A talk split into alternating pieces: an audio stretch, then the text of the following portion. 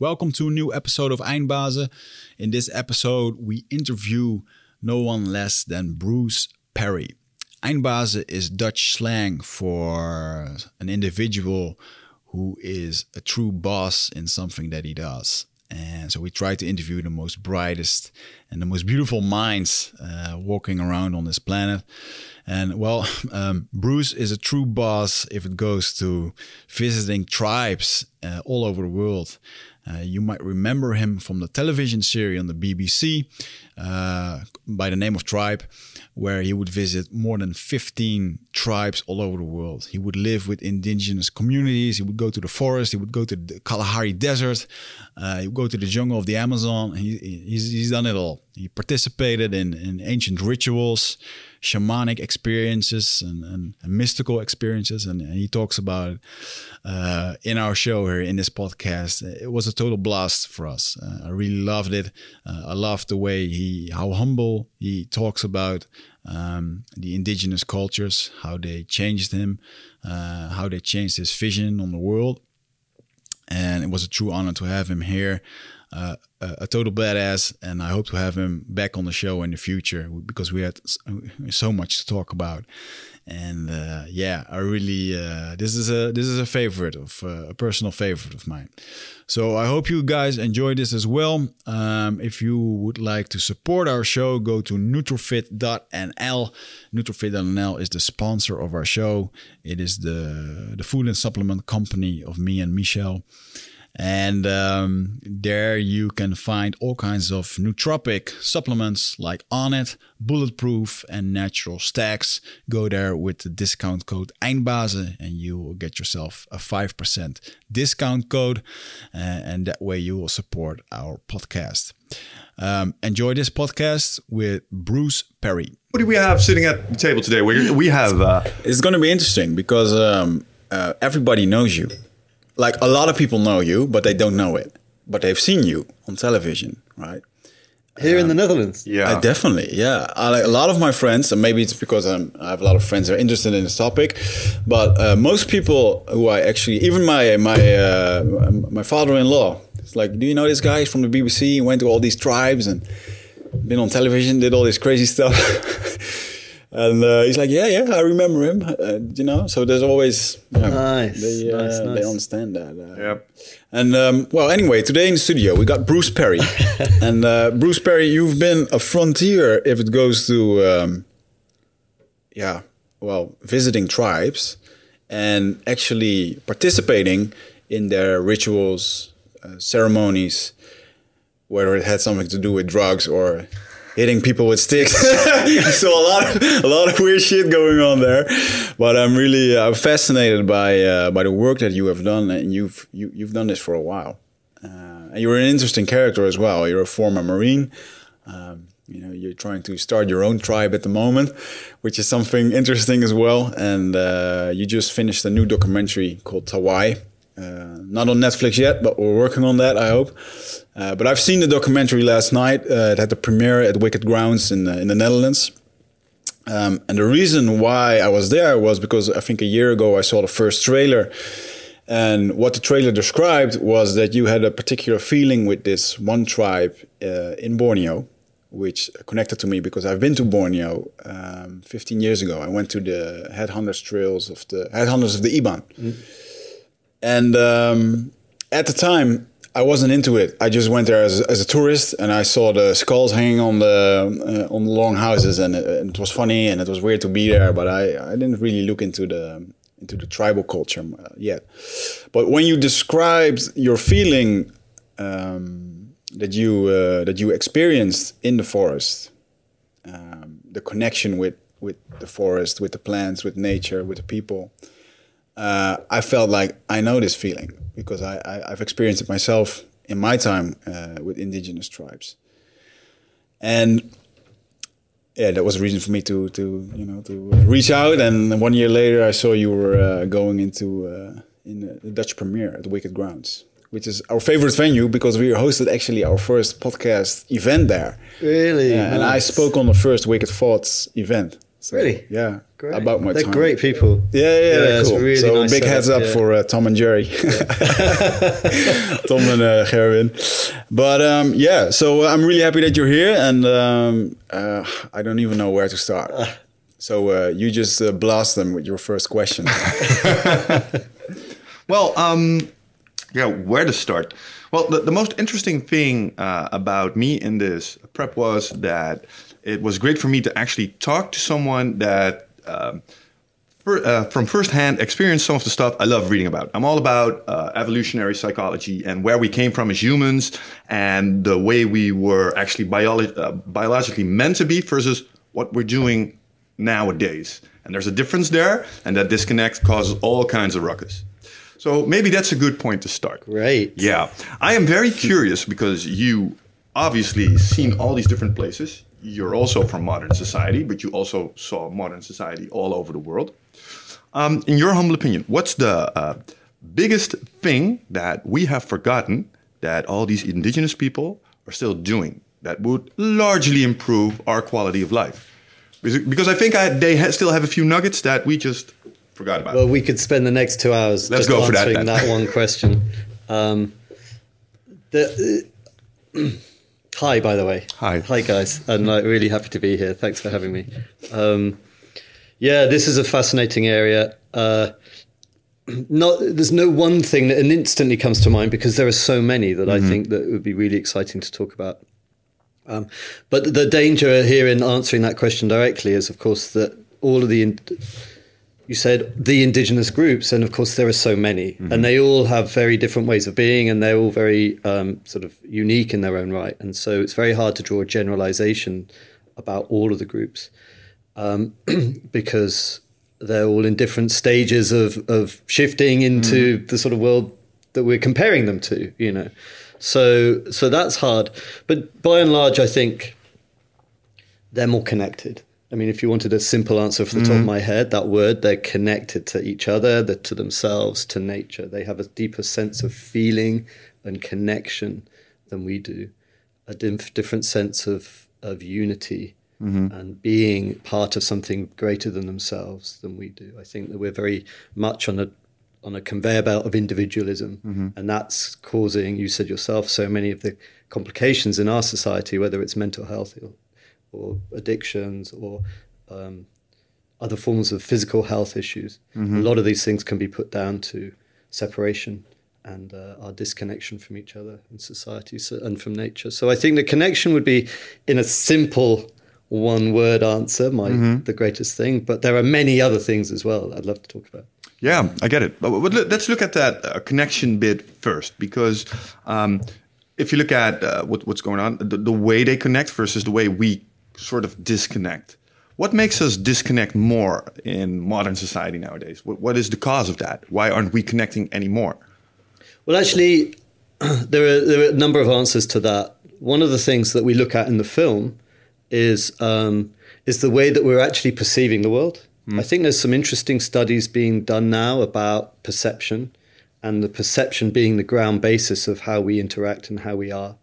And one of the things we look at in the film is um, is our brains actually and the hemispheres. And we go and meet this very interesting guy, Dr. Iain McGilchrist, who talks about the bilateralization of the brain and the different ways that we perceive and interact and relate. And that's not an easy thing to go into in this podcast because that's quite a specific area. But it does have something to do with um, uh, the way in which we're perceiving also relates to the way in which we're bringing attention. And when, for example, we were hunting and gathering, you have a very different type of attention that's required that we don't use very often anymore. You have to be incredibly present mm-hmm. in your body, in your senses, in order to be able to to find the food, to be able to hunt, to be able mm-hmm. to find where things are naturally growing, which you don't need to do in today's life. You don't need to bring that type of attention. And anyone who's done a vipassana or a meditation retreat knows that one of the things that people who who go into doing deep meditation work, the difference you have at the beginning and at the end of that, one of the things people often talk about is I feel more connected. That's what one of the things that people often come out and say, I feel more in my body, I feel more empathically connected to that which is around me. And so I think that one of the things is that we used to meditate on a daily basis and we don't anymore. So that's one very simple answer. Uh, and and uh, there's a whole bunch of other reasons why I think that they're more um, more connected and they're more able to be um, present is because they grow up in community. You know, they grow up where they they have less they're carrying less trauma. They they probably have less problems in that they can disperse those those early traumas um, when they are um, when there's more people around mm-hmm. and they, they don't they, you know it's like the family unit is another thing that's causing a lot of a, a, lot of issues in our society I think and they don't have that they have a much more communal way of being mm. And like we could we could go on but yeah. yeah. well let's look at that first thing just a little because what you said um, is like it's sort of a perception thing Although to me, the way you describe it, it sounds more like an attention thing because okay. you need to pay attention Thank to you. what's happening That's right now. Word. Yeah, yeah probably. Yeah. But but there's also a connection to the perception thing because and that might tap into that community thing. If you look at the stories they tell, and we look at the classical hero myths of our society, it's usually one guy that's going to kick some ass. Is it the same over there, or have, they shared their stories and is there something like a pattern there or is it like groups of people that venture out and go on adventures? interesting. Well one of the other things we'd sort of discuss in the film a little bit is that um, and this comes back to my introduction is that there are huge differences between the indigenous groups. And for most of the time that i was traveling the world making my tv documentaries I would have said that they we all pretty much fell into that same hero journey type narrative, and there is this sort of uh, this aspect that that um, that most of the tribal groups have. And actually, mm. I would have probably said that deep down, despite there's all these connections and these wonderful things that these groups have, they are actually incredibly similar to us in many ways. Their societies have many of the similar attributes to our society. So the differences on the sort of macro level aren't so aren't so much. But then I came across the last group that mm. I lived with, the Penan people in Borneo, who feature in this film Tawai. And with them, I noticed something completely different. It was like almost like every other tribe that I've lived with and every other society that I've ever been with are in, in one pot, and then this group in a completely different pot. Hmm. And that took me a long time to have the courage to express because it felt quite weird and it felt like overly romantic and it felt um, I didn't feel like I, I had the um, credibility to say things like that. But that was the feeling that I had. And then since then, I've done research and I've met anthropologists and realized that no, there is something actually, there was actually something incredibly different about that group. And there are a few other groups who are like them, and they all relate to the time before the Neolithic Revolution. They mm. all relate to the time before the domestication of plants and animals for mm-hmm. food. And there's only a few left.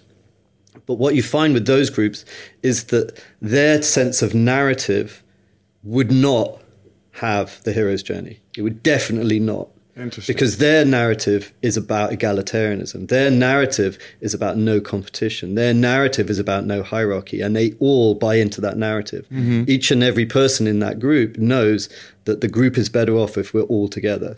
And that narrative somehow isn't is got severed. And all of the other groups they all are perfectly happy with hierarchy, with leadership, with shamans, with chiefs. Mm-hmm. And this group would never allow a shaman or a chief to step up. It's just this is a time before that.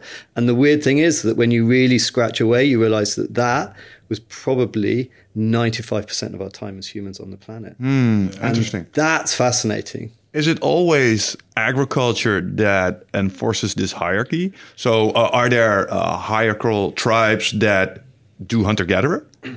So yes, there there there, there are, but and and the story obviously is relatively complex. But mm. what the what what is now kind of considered to be the case and not in every circle. I mean, this is this is not fully accepted in every anthropological institute in every university mm. around the world. This is this is um, I think uh, there are very prominent anthropologists who who will say be saying what I'm saying now, and I think that that's growing, mm. but it's it's not fully accepted. So I have to be careful in my language because yeah. I'm not an academic. Well, it's a it's a.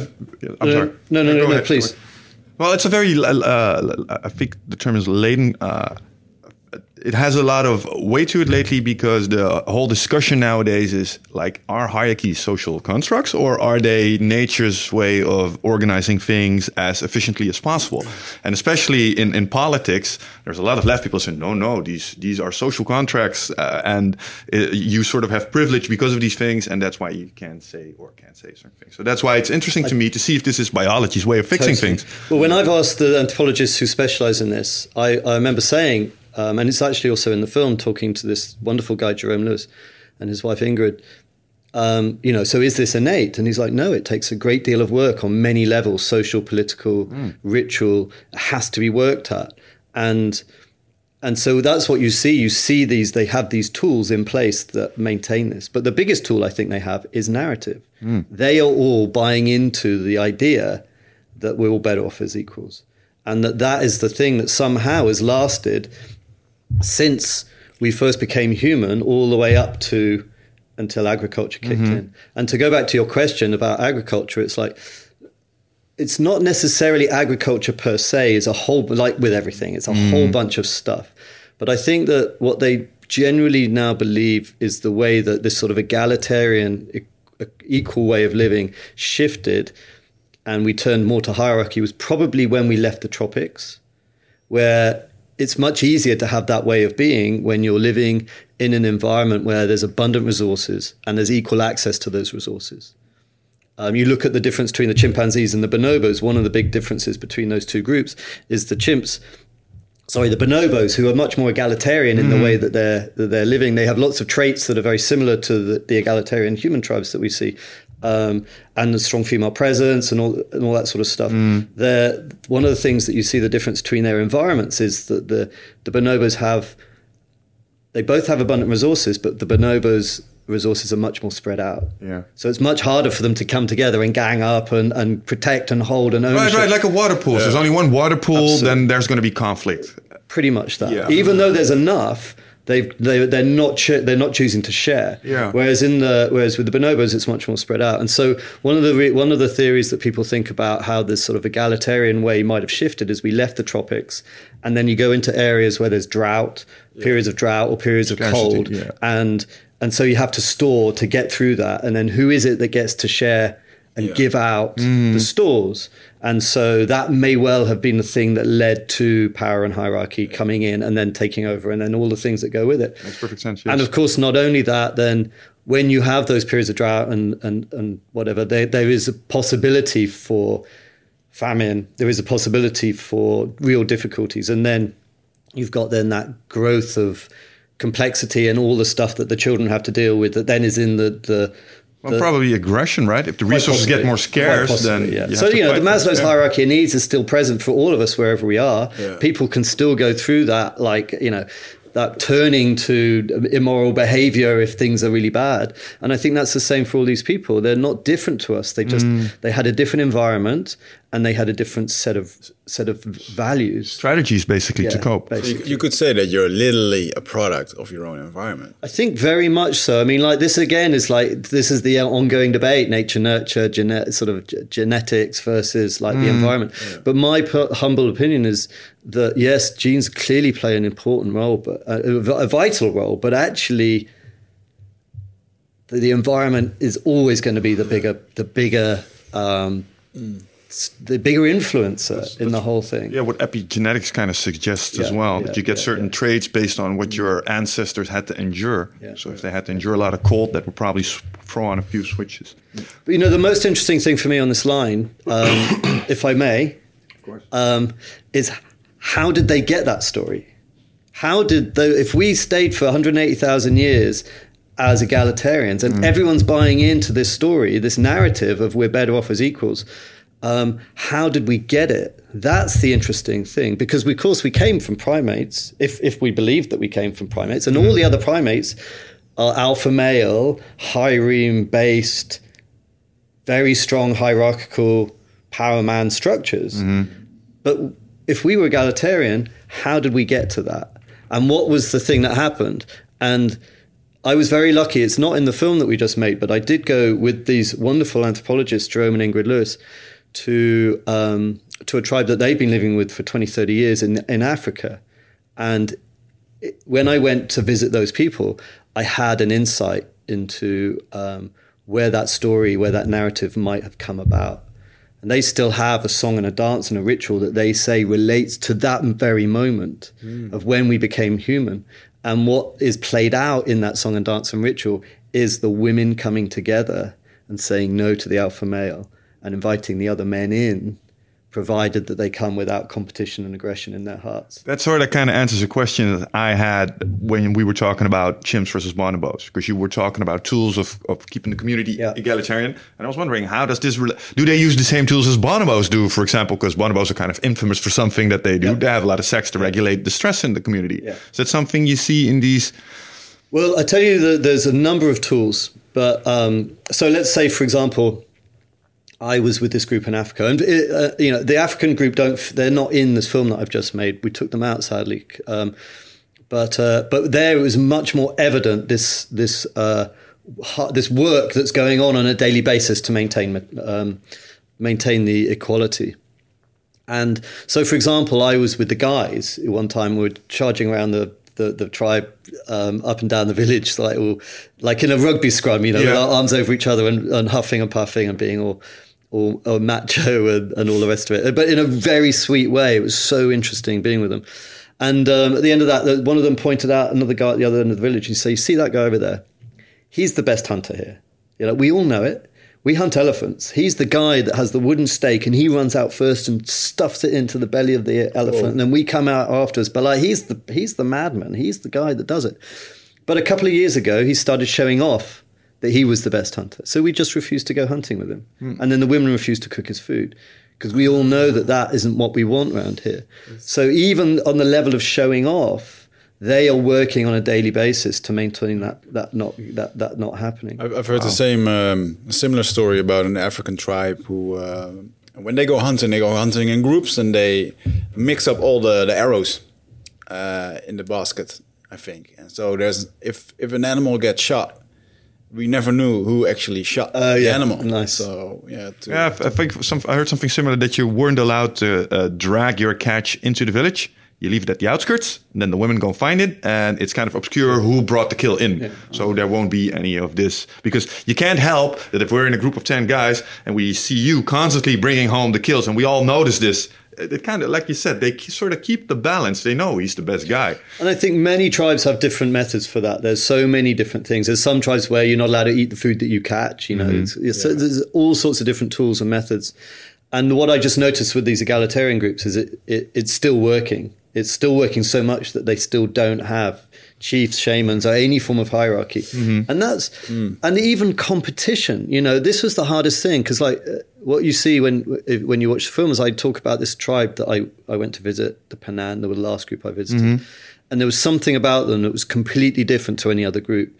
But I couldn't figure out what it was. It, for, it was just, for me, who's lived with tribes all over the world, I came across this group. And by the way, all of those tribes, of course, wonderful. Of course, so many lessons learned. Of course, so much wisdom, so much connection. I'm not in any way diminishing or dismissing the, the great um, privilege of having met these other extraordinary groups. But there was something unique Of course, they're all unique in their way, but like there was something very different, mm-hmm. let's say, about this uh, this group that really stood apart.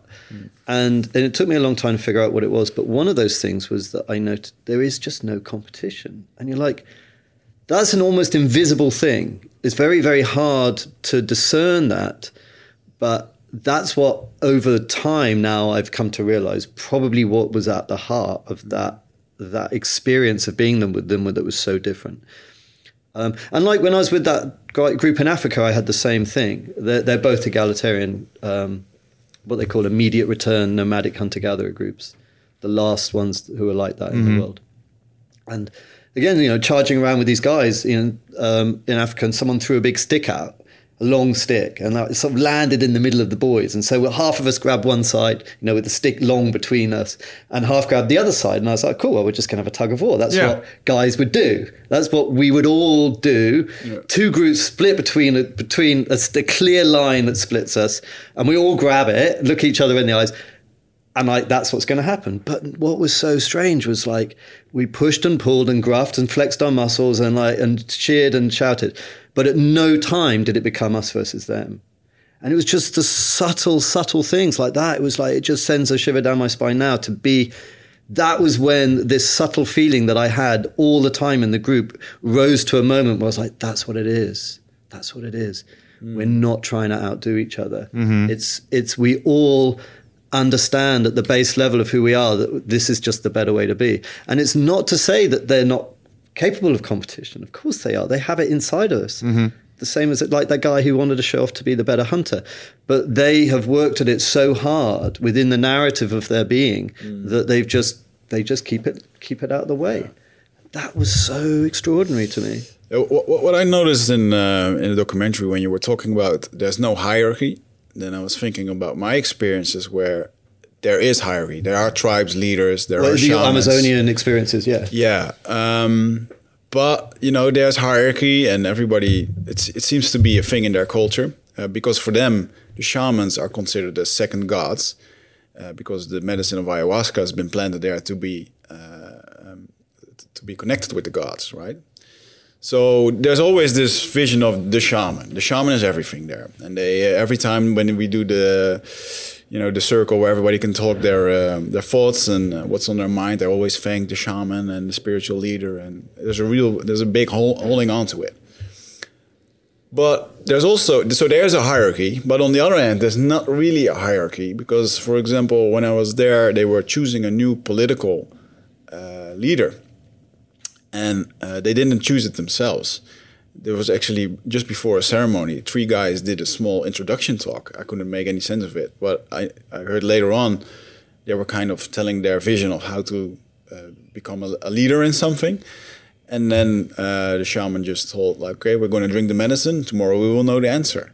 That's their way of decision making for political leaders would be interesting for our. though, but how do you get on that list of three people? that would well, be the real question. There was an interesting thing because one of them was the nephew of the uh, of the tribe's leader, which in Donald Trump's uh, eyes would probably be the first candidate, you know, and that's what we see. I mean, even placing his own daughter and his own family in, in important seats. Mm. And uh, so th- that's when I thought, like, okay, well, he's family, and you're not. Yeah, there there is choice here. It's you know, it's fascinating how societies across the world in let's say the last 10,000 years have, have dealt with this situation of mm-hmm. getting through difficult times and being like the message I gave to your to your king it's like you know there were there were probably times in the early stages when we moved into to this form of hierarchy and leadership that that they still had the narrative of like equality but actually there was a very difficult situation and it maybe needed someone to step up and go yeah. come on let's get yeah. through and then they step down again and uh, and then we go back to the equality. And I think that might have been the initial stage. But the trouble is, in my experience, is that even though, not experiences, sort of my ponderings on this, because mm-hmm. I've also seen many, many different methods of leadership where you have amazing benign dictatorships, amazing leaders who really do genuinely care for yeah. the, the well being of their people and all the rest of it.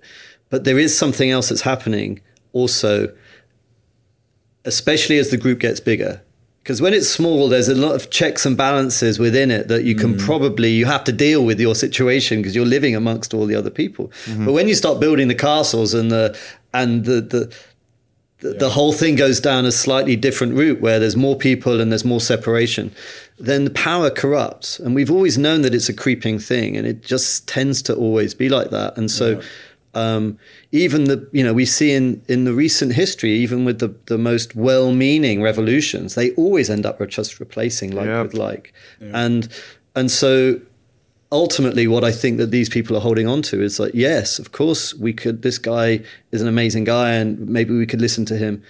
But if we let him just be the guy for his life, then that is only going to go one direction. Mm. Yeah, yeah. I think they found the antidote in in the fact that um, well, it's not what you preach; it's what you tolerate, and they just don't tolerate it. So a- any out outburst of, for example, ego or trying to climb that hierarchy is immediately put down. Mm. And and I think that's why we have guys in power um, and that remain in power because we, as a community, maybe because we're too big, uh, maybe because we don't know how, don't go like, nope, we're not going to help you anymore. Oh, we've yeah, also yeah, bought yeah. into the narrative that it, that's the way it's always been. Yeah. We've forgotten that little thing. And so we're like, well, actually, a rising tide raises all ships. It's just, that's just, it's ever been thus. We've always been like this. We've always been patriarchal. We've always been aggressive. We've always been whatever. And, and so we just accept it, Mm-hmm. whereas they won't accept it. And that's the difference. kind of wondering though, because um, I I think you're right that uh, like uh, the typical hi- hierarchical uh, leadership arises when uh, trouble occurs. So now there's a situation. Um, did you talk about them, or did you see stuff that kind of suggests how they tackle problems where we would use leadership? For example, hunting an elephant would be very useful if there's one guy like charge now, Uh, except uh, or, or leave it to the group and Sure. they're like, should we go now? I don't know. Well, we need a guy that goes uh, ahead of. Absolutely, absolutely. And you'll probably find that that guy who they all acknowledged was the better hunter may well have taken roles at t- certain times where he he's like, you know, let's go this way now because because he probably did know more. There's nothing wrong with um, being the better hunter. It's just the only thing they didn't want was him thinking that he was more than. So, so they maybe use hierarchies, but they're competent competence hierarchies. It's not even hierarchy. I would just say that they use they use wisdom when it arises. You know, everyone, the small child, as soon as you can walk in that society, you're an equally valid member of Mm. the, a, a equally ba- valid member of society. You don't even have to listen to your own parents. Mm-hmm. You can do whatever you. That's one. Of the, I mean, like that's a Yeah. big thing to take on board. Let's not go down that rabbit hole. But, but also the, your thing about I'm sorry to interrupt, but also your uh, thing about he's the shaman or he's the doctor. What I noticed is that uh, people are. are I also heard stories like he's the he's the cook of the school, and they were telling it in a way like that's an important job. I was like, but he's. I was almost like he's just he's just a cook, you know. But it's yeah. It's Well, that's the other thing. It's like everyone, they all val- value each other equally. That's the thing. It's not that everyone's the same. Of course not. Everyone knows that there's different skill sets and different abilities, but no one's seen as more than. Hmm. And that is so it, it differences. Because this is one of the things we get confused in our societies. We think that equality is the same as sameness.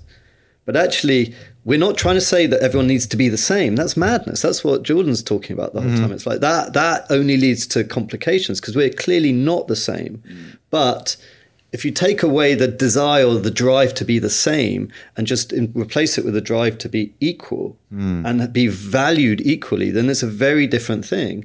And so, yes, let's celebrate differences. They are differences, and they, they're happy to accept those differences and even differences in skill sets, mm-hmm. but doesn't mean you're more than. That's why they didn't want to go hunting with him. Not because he's not the better hunter, but because he started showing off that he was better than. That was the thing that got them. And so, of course, there can be roles and moments when people step up and say, follow me, but no one has to. No one has to. It's like, yeah, whatever. You know, there, there's there, there um, because now this tri- tribe, for example, I was I was with in Africa.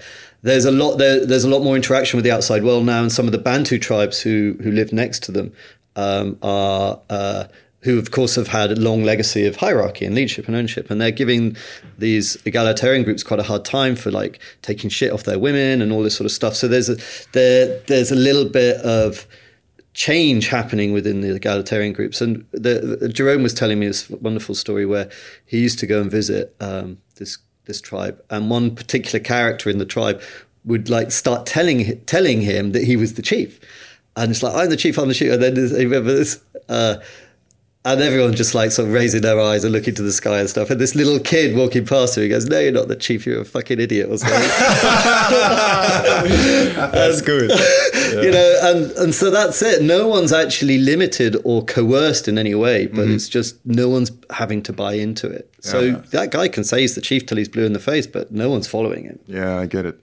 Can, can we talk about a little bit about the neighboring tribes? Because I was wondering about that. Did did these guys ever uh, were they ever exposed to warfare? So did they have to fight other tribes?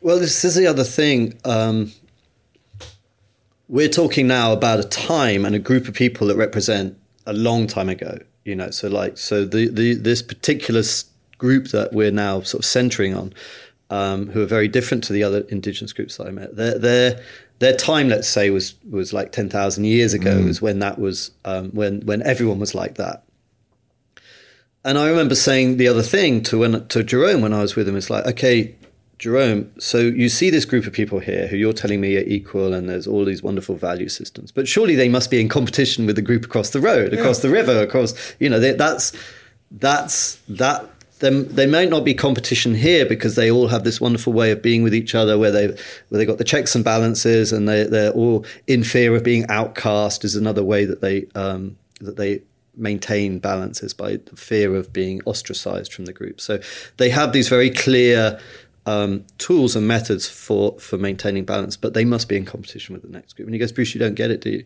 And I'm like, okay, well, what is it now that I don't get? And he's like, Bruce, this what you see now. Don't forget these are nomadic hunter gatherers. So like what you see now is this like ten families.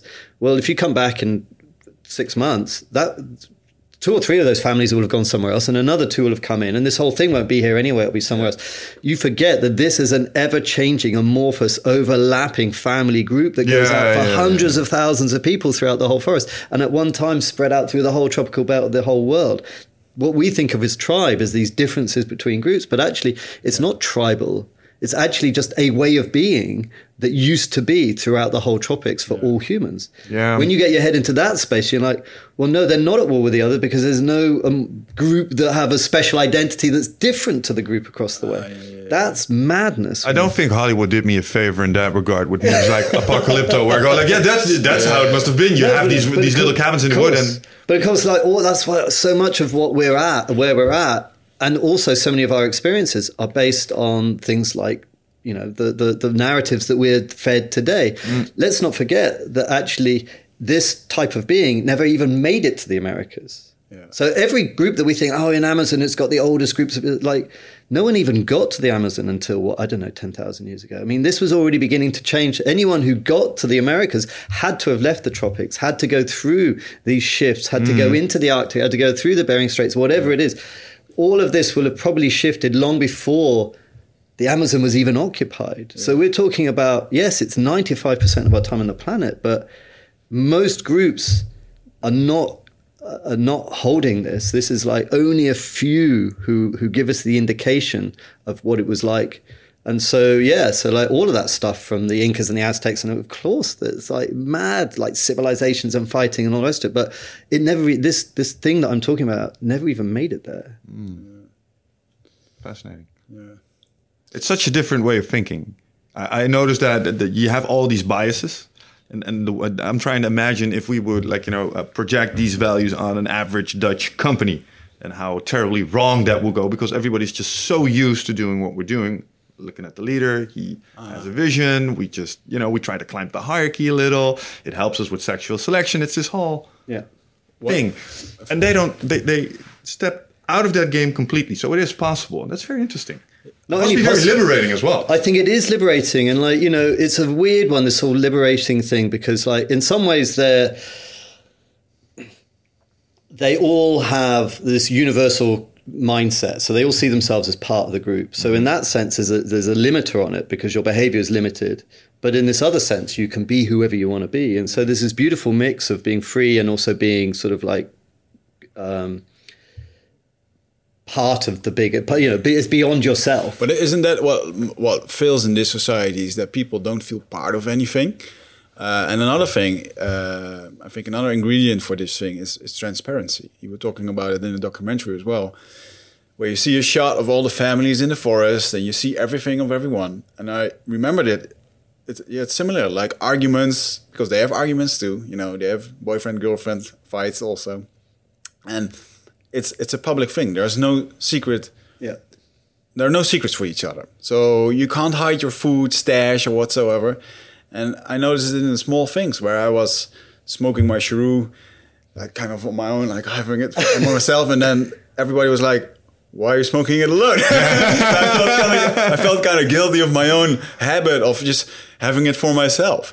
That's just bad smoking etiquette, man. It's like puff puff pass. You should notice. yeah, yeah, yeah. But, but it's really in their culture of the of that uh, sharing, yeah, the, the sharing and um, uh, having this transparency about everything. Now, imagine a culture or a company where everything is transparent, because in most companies, people are ashamed of who they are, where they come from, what they did, blah blah blah. But if that all is transparent, well, what do you have to be ashamed for? Nothing.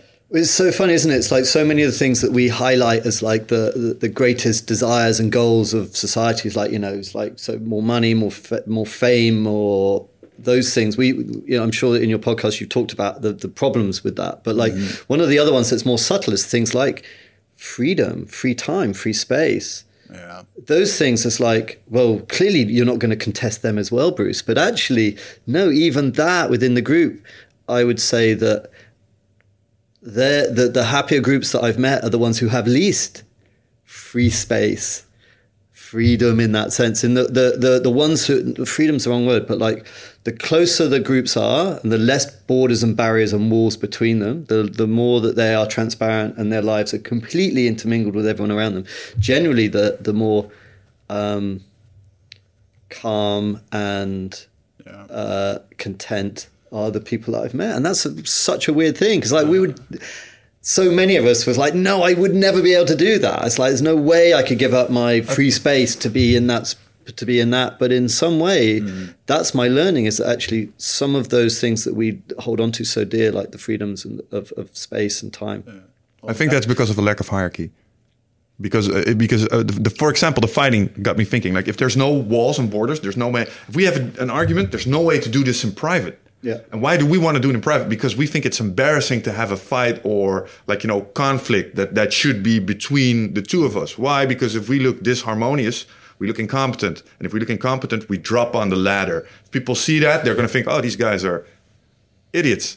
So the chances of us, like, you know, getting either more customers or getting the benefits for the system decrease mm. the more we drop down on that ladder. And if there's no ladder, and you're not worried about where you are on that ladder, mm. well, life just became a lot more simple. Yeah. Yeah, I wonder if there was more advocacy, more um, transparency. You know, like we're looking at all the things that are happening in Facebook at the moment. You know, with all of these like astroturf campaigns and all the Russian influences and all that sort of stuff. But if if everyone had an authorized account, which was clearly them, yeah, I want. I mean, like, and of course, no one wants that because we love our anonymity. We love our ability to remain like uh. secret. But I wonder how society would shift if actually we had to stand up. And when we vote, it's like you, you have to put it on the thing, and everyone sees what it is. It's like yeah. we, we we value so much the freedom to have invisible voting. Mm-hmm. And in some places, obviously, because of oppression and regimes and stuff, that that no doubt serves a purpose. But in a wider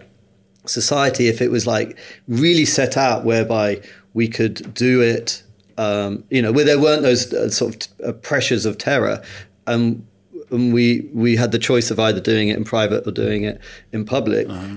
I find I think that would would be interesting to really have to to stand up to what, what it is you're doing. Mm. Well, but I think in the um, it, coming back to that uh, thing about the political um, election with the use of ayahuasca, that I really noticed that um, people have their preferences of who they want to be elected, but if it's not the if it if it doesn't become the person they had in mind, they still have a sense of peace with it because the Yushibu, the their spirit, their yes. God, made the decision. Yeah. So it's probably the right decision? Well, I think that that, that will always depend on the outcome. Mm. It's like, you know, so I spent some time with the Kogi people in, in Colombia who are fascinating, fascinating group of people. They're the civilization that live in the um, Santa Marta, the, the, sort of Sierra Nevada de Santa mm. Marta in Colombia.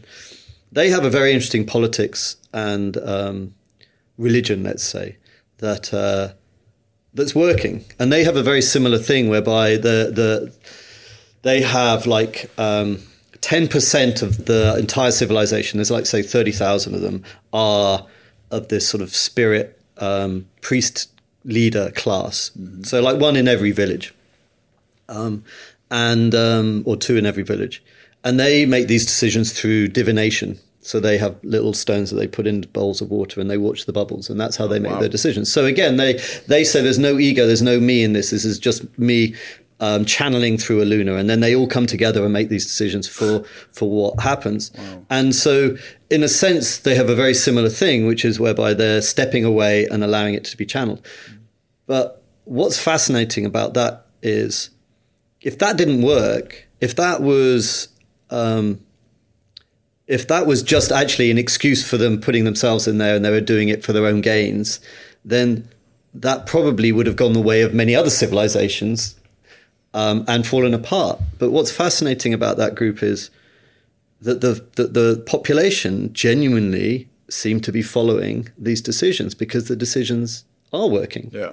And they are still making now whether or not it is directly channeled through Aluna as they call it and the and the great spirit and you know and the universal consciousness or whether it is just them deluding themselves or whether it is just a very good way of making decisions where you don't have to take accountability whatever it is mm. it seems that it's working are they on entheogenics they're not but they have a very deep meditative um, way of being all right because because I, I, was wondering about that as well with the more, more uh, egalitarian uh, do, do they use entheogenics? You know, like like drugs? Do they use drugs?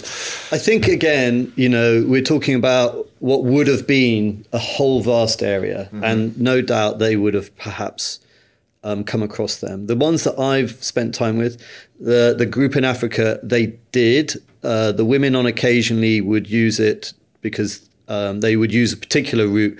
When the men went hunting elephant, they might go for two or three days, and so the women would often take this uh, route that would give them uh, of visions, and then they would all experience uh, a shock in their spine and a, a, shaking when the when the elephant was killed, mm. and that's when they knew that they had to then prepare the fire and stuff and go out to meet the men. And Interesting. Wow. So so there are i'm not so there are definitely experiences of those people using plants in order to give them greater connection but i don't think in the same way that we think of the ayahuasca tribes and stuff on a ritual daily or, or, or, or regular yeah. basis the reason i ask is because in the 60s obviously we sort of had the same thing going for a while over here yeah. Uh, due to lsd and there's something about ayahuasca, LSD, psilocybin that sort of seems to push back the ego and make you think more in non-dualistic ways. I totally agree. I yeah. totally agree. So I was wondering if there was a connection between their I, way of organizing and. You know what? I mean, uh, well, one of the things again we talk about in the film when I look at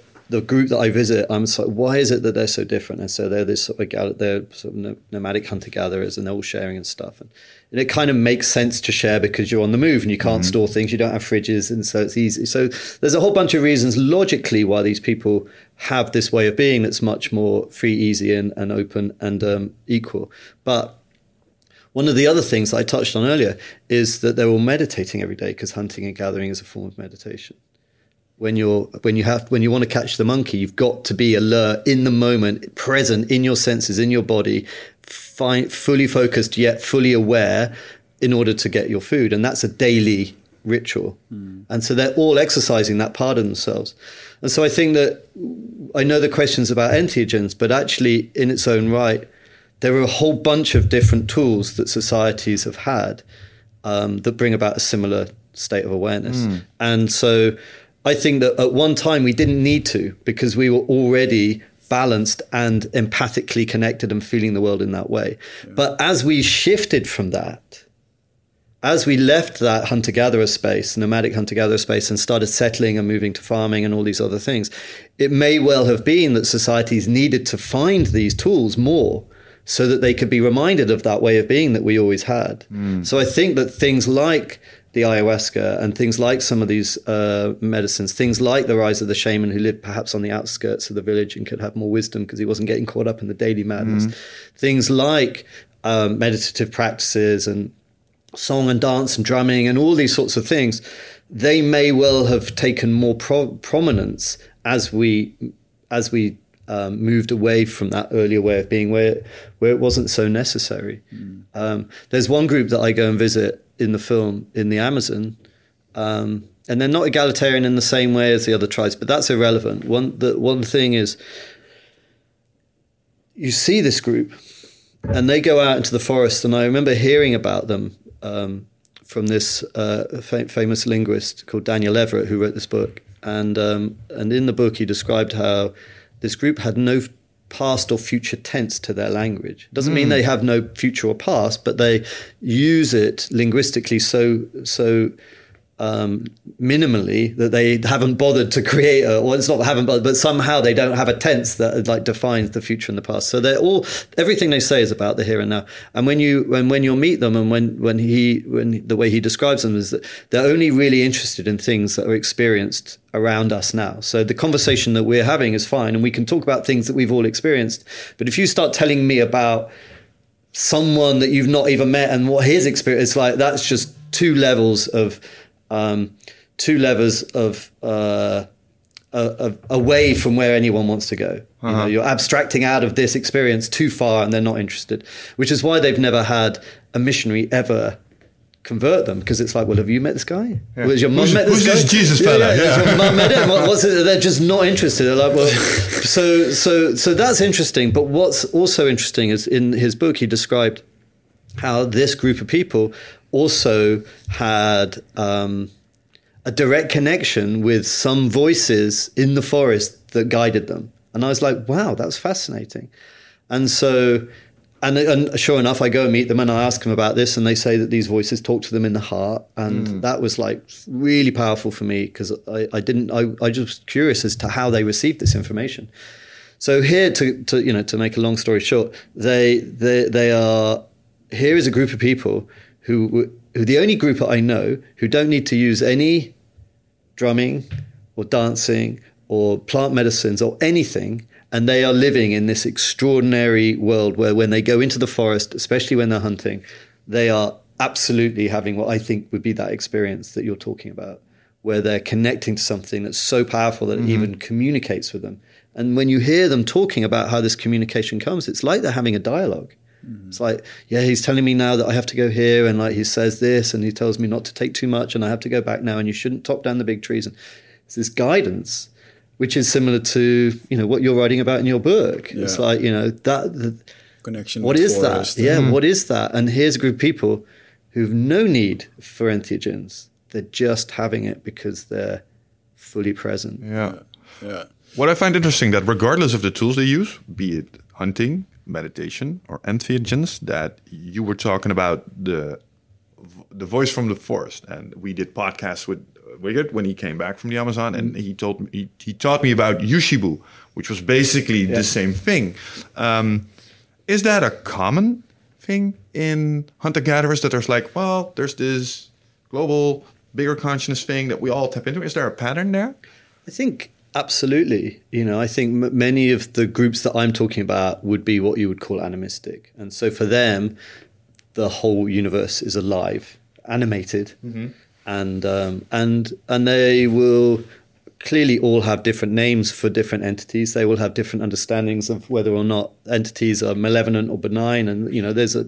It's not just a beautiful, glorious space. You know, there are different forces out there, and, and that would be a common thing that I think most of them would say. Hmm. But you know, we the the human species had left Africa a long time ago, and we're spread out in many places. And clearly, there were so many idiosyncrasies of each of these groups with their hmm. own different takes on it and their own different myths and narratives and stuff.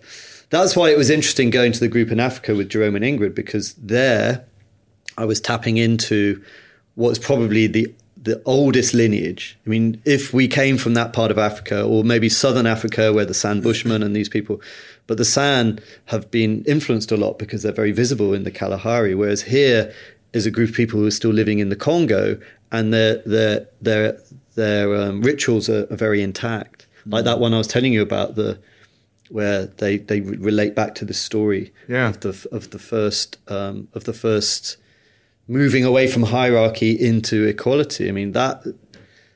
So that there was an interesting one for me because that's a, that's like feels very much something that you could talk about is like really ancient before we've left and mm, all of these mm, changes. Mm. How did this change your own um, spiritual belief system on life, death, afterlife? it can. I, I mean, uh, of course, I did some research, and uh, the, the thing I you you talked about animism. Yeah. You, you call yourself a rational animist. What Do exactly I? is a? You know, apparently, that's what your Wikipedia says. But uh, I, Have you I can't. the picture of my Wikipedia page? I mean, like, I don't think I was involved in any of those. I don't think I was involved. You in wouldn't any- have chosen that picture, is what I you meant. have chosen no, understand. You can change it, right? I don't know. No, well, yeah, probably. I don't even know. I think that's frowned upon if you change your own wiki page. But um, but still, th- this this contact with all these belief systems, it, it must have shaped your own in some form. Yeah, well, it, you know, in the film we go into this a little bit. It's like you know, I started out um, very much um, from the perspective of a Western school kid. You know, it's like science answers everything, and you know, and I haven't had crazy experiences that have made me question that. You know, and most of my friends haven't either. So we're just all in that bang in that camp. And um, and then of course I go on this journey and I meet all these things. I do these. I, I meet all these people. I do these wonderful ceremonies, and I start having experiences that basically science wasn't answering so well, especially material science. And that I would come back from having ayahuasca in the forest and talk to my clever friends who I looked up to as intellects mm-hmm. much greater than my own, and like people who I who I rated, and say, you know, so what was this? And they were like, oh, Bruce, you idiot, you're just doing a drug. Mm. You know, so you stick it stick it in a box and label it just doing a drug, and and then you know, and then on you go with your journey because life's busy.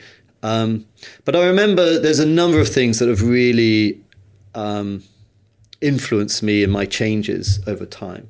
And one of them was when I saw Jill Bolte Taylor, the lecturer of this uh, uh, brain scientist who had a stroke in the left hemisphere of her brain, and she describes this experience of expansion and oneness. And I saw that one when, when she was in the show. She had yeah, a TED exactly, talk about that exactly, one, right? Yeah, yeah. it's a beautiful TED talk. It's like you know, 20 million people watched it or something. It's like very, very influential TED talk. And I was like, drop my tea almost. It's like, shit, that's the experience that I had when I was doing those things. And here's someone with credibility. Here's a scientist who knows the brain talking about it.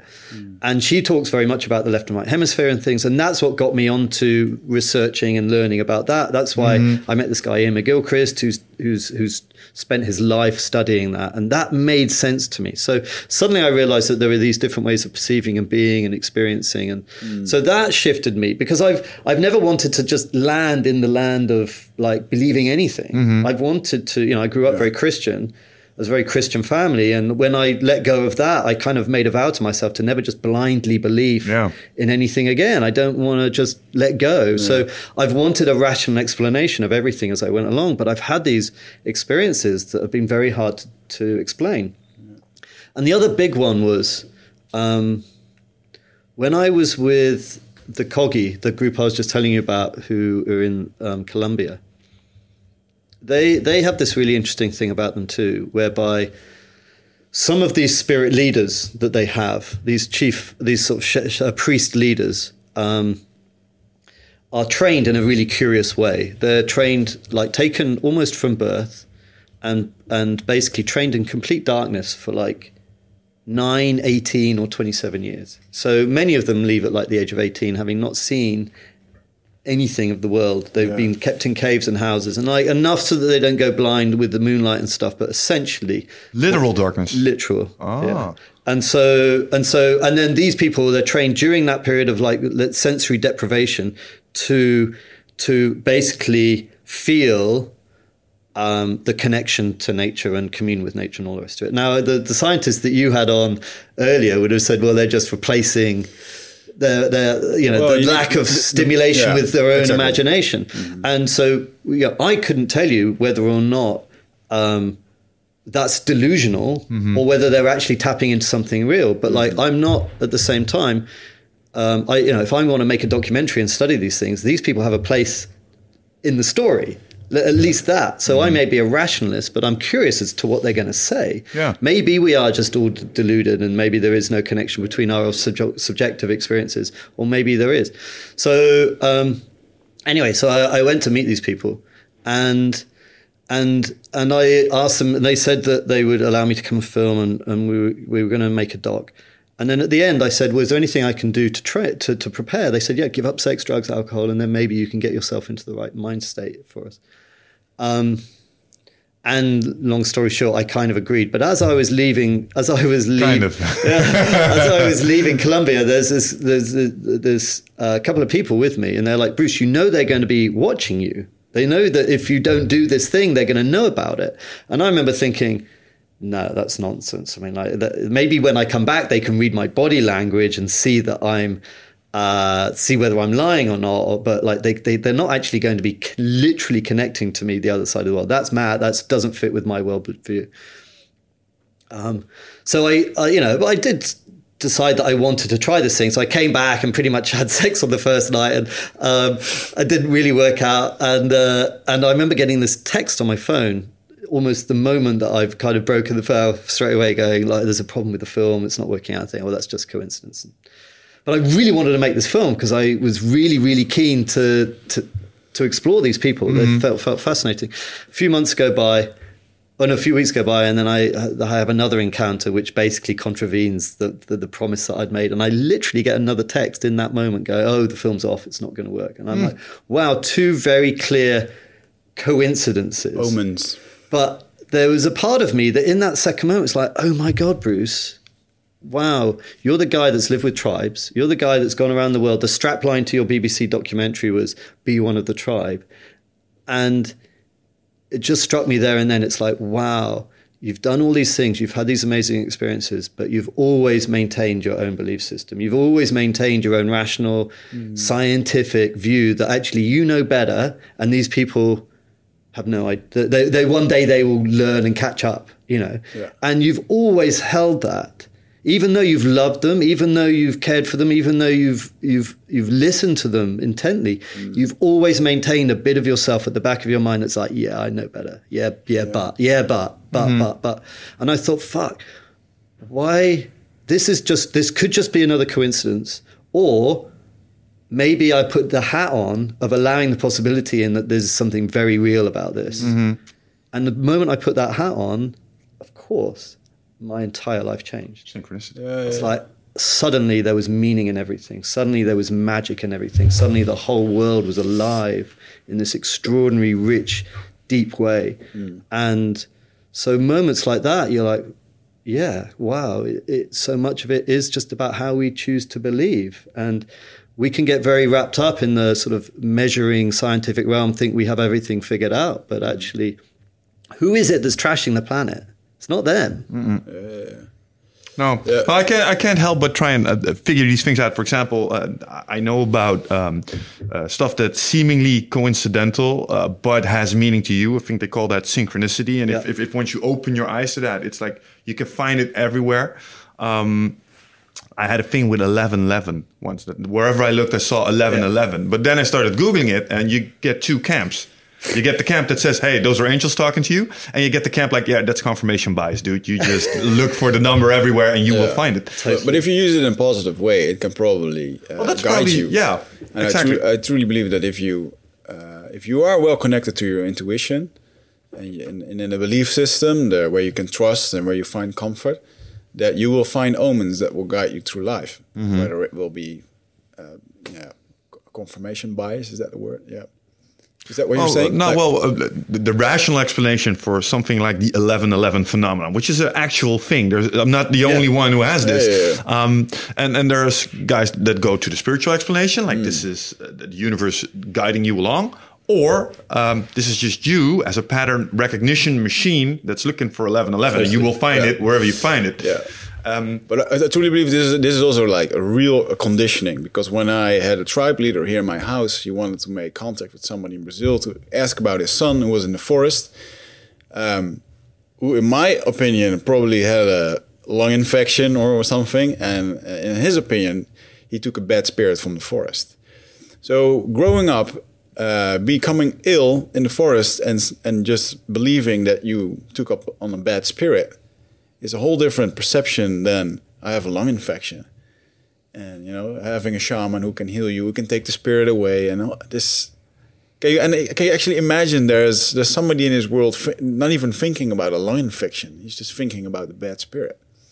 It's you know, it's such an interesting space, and like, I totally hear you about this sort of recognition confirmation Yeah. um, thing because, of course, it's a dangerous dance, and that's why the sort of material science realm is terrified of entering into this subjective reality space mm-hmm. because then they think that the whole pillars of of everything that's come before are just going to collapse and there's no way of like holding on to it it's just all going to fall apart and it's mm. and it's terrifying Well, yeah, well, because if these things are actually true, we need to reconsider a lot of things lot we of hold things. true very critically, And- Absolutely. And, that's and that's scary. and so and so you know here we are and like you know some people are clearly buying into that some people buy into it so much that even the you know no matter how much you're in this realm of, of, of belief there's always someone a little bit more far out than you. Yeah. You know what I mean? It's like there's like there's a whole spectrum of far outness in that space. And some of the and some of the far outness is like really hard to be with because it triggers you so deeply. It's like, oh my God, that's just fucking crazy. Hmm. And like I don't want to be associated with that. And yet here we are in this room where perhaps we've had experiences that are very hard to describe. And and also they they have a lot of meaning to us. Mm-hmm. You know, in the film again, I, I spend time I go to to um, to India and I have this experience when we're at the Kumbh Mela, where I'm with like 20 million sadhus rushing to the river Ganges to, to go for bathing. And when I'm with them, you know, so the, the sadhus, they're naked, they've got no possessions, and they are living with this extraordinary belief system. But one thing in that moment was that they were all focused and had been focused for weeks and weeks with, with very clear focus because they got very few distractions. So their whole minds were on that river. And like, I'm amongst 20 million people whose minds are focused on the river. Mm-hmm. And I've also been meditating for a few weeks beforehand. And so I'm nothing like as focused as they are, but I'm in. So all I can say is I enter into that throng of those people. And the experience I have of being with them is that literally I, as a human being, melt into the universe and I become at one with everything that's going on. Yeah. And I am I am not even observing it, I am it. I am the universe and I am this thing with yeah. the clouds and the trees and the plants and the river and all these human beings. I mean, we're just charging with great joy and like I let go of all fears and I let go of all feelings of any complication and like the whole universe makes sense. It's like a cosmic joke, and I don't care about anything because it's all perfect. That whole thing. Yeah. And there I am going towards the river. Now, there's different ways of describing what that might be. Mm-hmm. Like you could just say that the scientists will say, well, you're just just just a momentary delusion and excitement and whatever. And there's no, but the real feeling that you have is like, I'm sorry, mate. That explanation is just crap. Mm. The feeling that you get is like, mate, there is something much it's tangible. It's much bigger going on, and the and the belief system they have is that rather than you know the material scientists would say that this form of consciousness is just the sort of like the machinations of the material brain bringing about this state of something or other. Whereas they would say, well, actually, no, the consciousness is everything. And we're just like a transistor radio set that's just tapping into it. And then when I'm in that space, yeah, I'm tapping into this entire thing and I can come out of myself and be a part of that because it's a very clear frequency that I'm joining. Off we go. To me, those two explanations, well, the one that's coming from those people who are doing that was a much clearer description for me of that experience than the scientific yep. one. collective consciousness meltdown. Yeah. Oh, we talked about this in the podcast. I can actually, if you talk about it like that, like, well, there was this experience, and maybe I did something pre meditation that changed something in my mind or, or my brain at least. Because we know if we get stressed, this thing starts emitting other frequencies. If we're Zen, it does the same. So maybe we can manipulate that through meditation and we tap into something bigger we talked about this in the podcast. We have this. Um, maybe Dutch, I am something bigger. Maybe it is beyond me, the physical. And for a maybe. moment, the, the boxes yeah. fall away. Yeah. Uh, or you can transcend the box, maybe. Yeah. No, we had a guy here, like the, the Dutch Tony Robbins, Michael Pilarczyk, and he does a group meditation in his uh, seminars. And we were invited as coaches to those seminars. It was the first time I ever w- uh, went to group meditation. And I, I talked to Wichert after this, like, what the hell was that? Because I'm a sober guy. I've done ayahuasca, and this felt like the same kind of vibe you get when you leave an ayahuasca ceremony, and it was almost tangible. So, yeah, science might not be able to explain this, but I can ignore this because it's there. It's yes. a sacred space that you beautiful, feel. Yeah. beautiful. Yep. Yep. And I think that we're in this space now, you know, it's like many, many people are having these experiences and they make very much sense. You can either go to a football match and feel like the crowd yeah. and go, mm. wow, that's magic. And then just come away go, oh, it's just football yeah. and stick it in a box and forget about it. Or you can go, well, actually, maybe there was something going on there. And there are now competing belief systems actually that, that offer different ways of understanding that. And mm. I think that we're up for it's an interesting moment, you know. And of course, let's not forget that not all science would deny that. Science is, is many different aspects and facets. It's only dogmatic material science that would deny that. Actually, science as a form of investigation should be able to allow some subjective and all the rest of it. There's no reason why science as a bigger discipline couldn't envelop this. It's only the materialists mm-hmm. who are holding on. It's like it's only matter that matters. Yeah. It's actually, and that's why at the end of the film we have this. This Iain McGilchrist, this brain scientist, when we were walking on the hills in Skye near his house, he's, he offers this idea. He goes, you know, clearly there's this dual. Clearly there's these competing themes of like matter and consciousness, and like, Mm-hmm. and you you know, so the sadhus I'm with, they deny the body, they deny material, they think that's nonsense. It's all about ma- it's all about spirit, it's all about consciousness. And then on our side of the fence, we got the scientists, or some scientists who are like, well, it's got nothing to do with consciousness, it's only about matter. But clearly, well, not clearly, uh, those two belief systems don't seem to overlap. But what if consciousness could be material as well as spirit? What if consciousness could be, as he says, like, you know, like have different phases, like water has different phases. Water could be ice, it could be water, it could be vapor. Mm-hmm. It's still water. Maybe if consciousness can be material and matter, but also spirit, it's the same thing, and you can flow between the two, but they're actually taking different forms.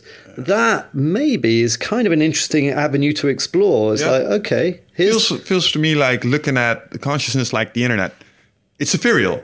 It, it, it really doesn't exist. If these computers would stop, it's on computers, Yes. but at the same time, it's there, like, mm-hmm. and, and you can interact with it. And maybe maybe consciousness is something like that. Maybe it, it needs a brain as a power source in order to exist, but at the same time, or, or to manifest in a certain way.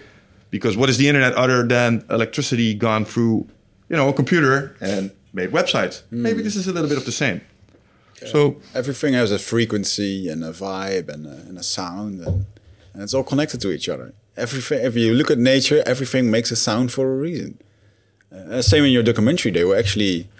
Uh, was funny where they were talking about uh, the bird when uh, they used the bird as a watch. I, I recognize it. Like some birds are start start beeping uh, at four o'clock, and they know yeah. it's time to go home. but yeah but we're actually venturing into these because you said like there's this this divide between one side the spiritual world and other side the, the scientific world what i'm very happy about and maybe we can, can talk about that a little for example uh, next week we're going to talk to michael pollan okay. Uh, and he wrote a big book about Yeah. psychedelics Yeah. and the influence that has That'd on, great. specifically these themes Yes. Does he? I haven't read the book. It sounds amazing. yeah, yeah, and the the thing is that uh, we talked a little bit about this before the podcast. That the stigma that's attached to psychedelics, entheogenics, Mm-hmm. is kind of fading away. Microdosing is becoming very popular. I don't know if you heard about this. yeah, yeah, of course. So uh, that seems sort of like a gateway through these insights. And one of the themes through your work also has been, well, not shying away from these experiences. Um, when, when you look at the way you look at the world right now and these, uh, let's say, entheogenic experience that you had, was that uh, pivotal as well? Did that help you? Absolutely. I think, and it's also taken me a little while to have the courage to say this too. You know, because a long time I was like BBC chap, and you know, and and um, knew that if I was just shouting from the rooftops like these are things are great, that that's that's a dangerous message to be putting in the world without the caveats of the of the complications and all the rest of it. So it, it's never a quick one, but for myself, absolutely the the times that I've taken um, various different plant medicines have been almost without exception the most positive healing experiences of my life. They've given me so much, and they've allowed me to grow and have insight and clarity so much. I've healed deep traumas that I didn't even realize I had, hmm. and the type of person that I am as a result of gone through going through those uh, wonderful experiences has has uh, has gained in, in in immeasurable ways, especially in my relationships. Hmm. My relationships with each other, with my friends and my family, which were often very troubled and difficult, have all harmonized or increasingly harmonizing. Still work to go, and also my especially my relationship with nature. You know, I've had a very much um, deeper and more profound respect and and um, connection to nature. Those two are basically everything. Yeah, Yeah, yeah, that's life. That's life. That's, that's everything. What what really stuck in my mind was I saw you uh, in one of the documentaries going to Africa, uh, Gabon, I think, Yeah, uh, for the Iboga, yeah. And at one point, uh, the camera crew was sent away because there was going to happen something that wasn't um, allowed to be filmed. Yeah. Can you recap, or do you want to share uh, in your memory what what happened from that point on? Um, Maybe you can describe the whole scenery. yeah, yeah. bit. So basically, I this was the first documentary for the Tribe series I, I made. So we didn't know what we were going to do, and like the crew were like, the director was like, Bruce, you don't have to do. They invited me to come and do this like ritual iboga, which is a strong entheogen, and and they were like, "You don't have to do this," you know. And I was like, "Well, I've been invited. I think I should. It'd be really nice." But I, um, I didn't really know what to expect. Anyway, long story short, the the the, the whole village is, is, set up. I have to like I have to like sign this declaration because they're kind of half in our world and half not in it. They I, have a waiver. So, so I had a waiver because don't, don't let the white man die. it was it was a chief from because they normally put the word out to the other villages that we're going to have a we're going to have a, a celebration because ah. it's it's like a rite of passage. So they put the word out, and this chief from another village came and he goes, who was closer to the civilized world, or it's our world, let's say, um, less civilized world, and. Uh, and he's like, no, no, you, you know, you might kill this guy because we've never done it to a white guy before, so you have to sign it. So the disclaimer I wrote was to say that I wasn't a witch, which I just thought was genius because, like, what disclaimer? Which law, court, court law is that going to work in? Anyway, wow. so I signed this disclaimer to promise that I wasn't a witch. Um, anyway, I went through the ritual, and uh, I mean, I could talk for days about what happened, but say the first eight ten hours is eating the root, mm-hmm. which is probably the hardest thing I've ever done. It's like chipboard soaked in battery acid and you're not allowed to drink and you're just eating this wood, wood, wood for hours and hours and hours. It's horrible. And then you stop vomiting. Then the crew left and then I'm left uh, on my own with what I call my Bwiti father, two or three people in the hut singing and chanting and, and rattling. And the rest of the village are outside preparing for, for the next two days of party. Meanwhile, I'm in there. And yeah, I'm not allowed to talk about all of what happened and especially um, certain things that I saw. But what was fascinating was that I, similarly to ayahuasca, I went through the process of seeing myself through uh, alternate prisms and getting a, an objective of myself mm-hmm. uh, that allowed you to realize this is who you are, this is what you're really like. Uh, like, for example, I had one one occasion talk about empathy. I had one occasion when I went back into the room of of a girlfriend who was actually um, sadly very ill at the time, and um, we were in our house in London, and I remember come being there in in myself, seeing everything, seeing her, and then her saying to me, "I love you, babe." And then me coming out of my body, going up to the room, to the surf, to the ceiling of the room, looking down on both of us, and then turning, watching me turn away, and then I went into her body and looked out through her eyes at me, as I then say, "Yeah, I love you too, babe," but I clearly didn't mean it, and feeling her heart break oh, from inside her body, and and then you know, so all the power and mm. and, and, and uh, difficulty that went through reliving that experience. And those sorts of things happen quite a lot. So quite a lot of things like that that were giving me insights into into myself and my decisions and all that sort of stuff. Mm-hmm. And then I met deities and flew and da da da. But what was fascinating um, was every time I came out of one of these dreamscapes, and then they would they would say to me, "What did you see?" And I was so I described, well, I had this thing and I saw this thing, and they were like, shake their heads like a bit disappointed. What did you see? And then I would be like, and then I described this other thing, and they're like, "What did you?" And I, and I was, like, and then I'd go back into sleep and have another dream, and then come out and then describe all these things that I thought I was seeing, and, and they just never seemed to be that interested. And then I'm like, "Well, you know, but I'm I'm like seeing these shapes and things too," and they're like, what did you see? And then I was like, well, I would see, because they were never leading questions. They would only ever ask, what did you see? And then I was like, well, I, they seemed much more excited about these things. So I was like, well, I saw these things and they look like this and they spin like that and they flash like this and they glow like that. And they're like, Bouclier! And then name it and all clap together. And I'm like, what the fuck? They're not interested in the slightest in my stuff. is your problem. These like little signposts along the way as to see where it was that I was ah. going. Isn't that interesting? That's kind of reminiscent of when I did my ayahuasca ceremony. I saw these fractals mm. appear, and there seem to be different types. And what you're saying is they know the fractals, and they probably know where you are in your journey. Yeah. Who knows? Oh, yeah. Isn't that interesting? Yeah.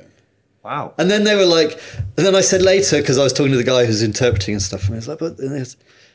Uh, and then he, he asked, I said, well, you know, what about all my difficulties? He goes, oh yeah, it's known that people have some some difficult stuff. Damaged goods. We knew this already. it's like, yeah, whatever, yeah, you know, you'll figure all that shit out. But like, you know, how funny. Yeah, it's funny that um, that's what I noticed from uh, from a good shaman that he guides you through the process but he's not making his hands dirty on your problems. You know, like your shit, you take care of it. And uh, I remember a funny quote in the forest where I felt very lonely, and I kind of went to the shaman for a pat on the back. And uh, I told him I was really lonely, and he's like, "Well, you get yourself, you get to know yourself uh, when you're lonely." So off you go. Good luck with that. Yeah. I felt like okay, Yeah. I gotta do it by myself here. And, uh, Beautiful. yeah, I saw someone wearing a T-shirt once like "Everything is medicine," and I just love that. I think that's such a great little mm. bumper sticker. It's like everything is medicine. yeah, yeah. Doesn't matter how you know. And you look at your own life. It's like yeah, we've all had difficulties, but actually, there's always mm. something very beautiful that's often come out. Just depending on how you want to look at your life and how you want to look at these things. But if if you can accept that everything is a learning, and even the really difficult stuff has has some spin that can be seen as positive.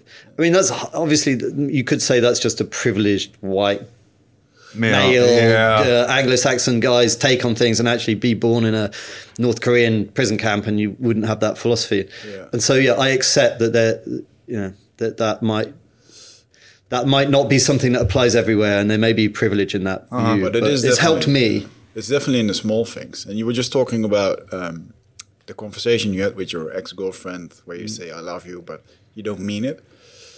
A few weeks ago, I was in America on a um, event, marketing event, and there was also a voice coach on stage. Uh, he was talking about how to uh, have a leading presentation, a leading voice, but he was also explain, explaining how the voice, um, as a as an energy comes out of you. And how you speak and uh, with the, with the emotion that you put behind it and how it is received by somebody else's brain. Because when it gets into the ear it first gets to the amygdala which is attached to your emotions.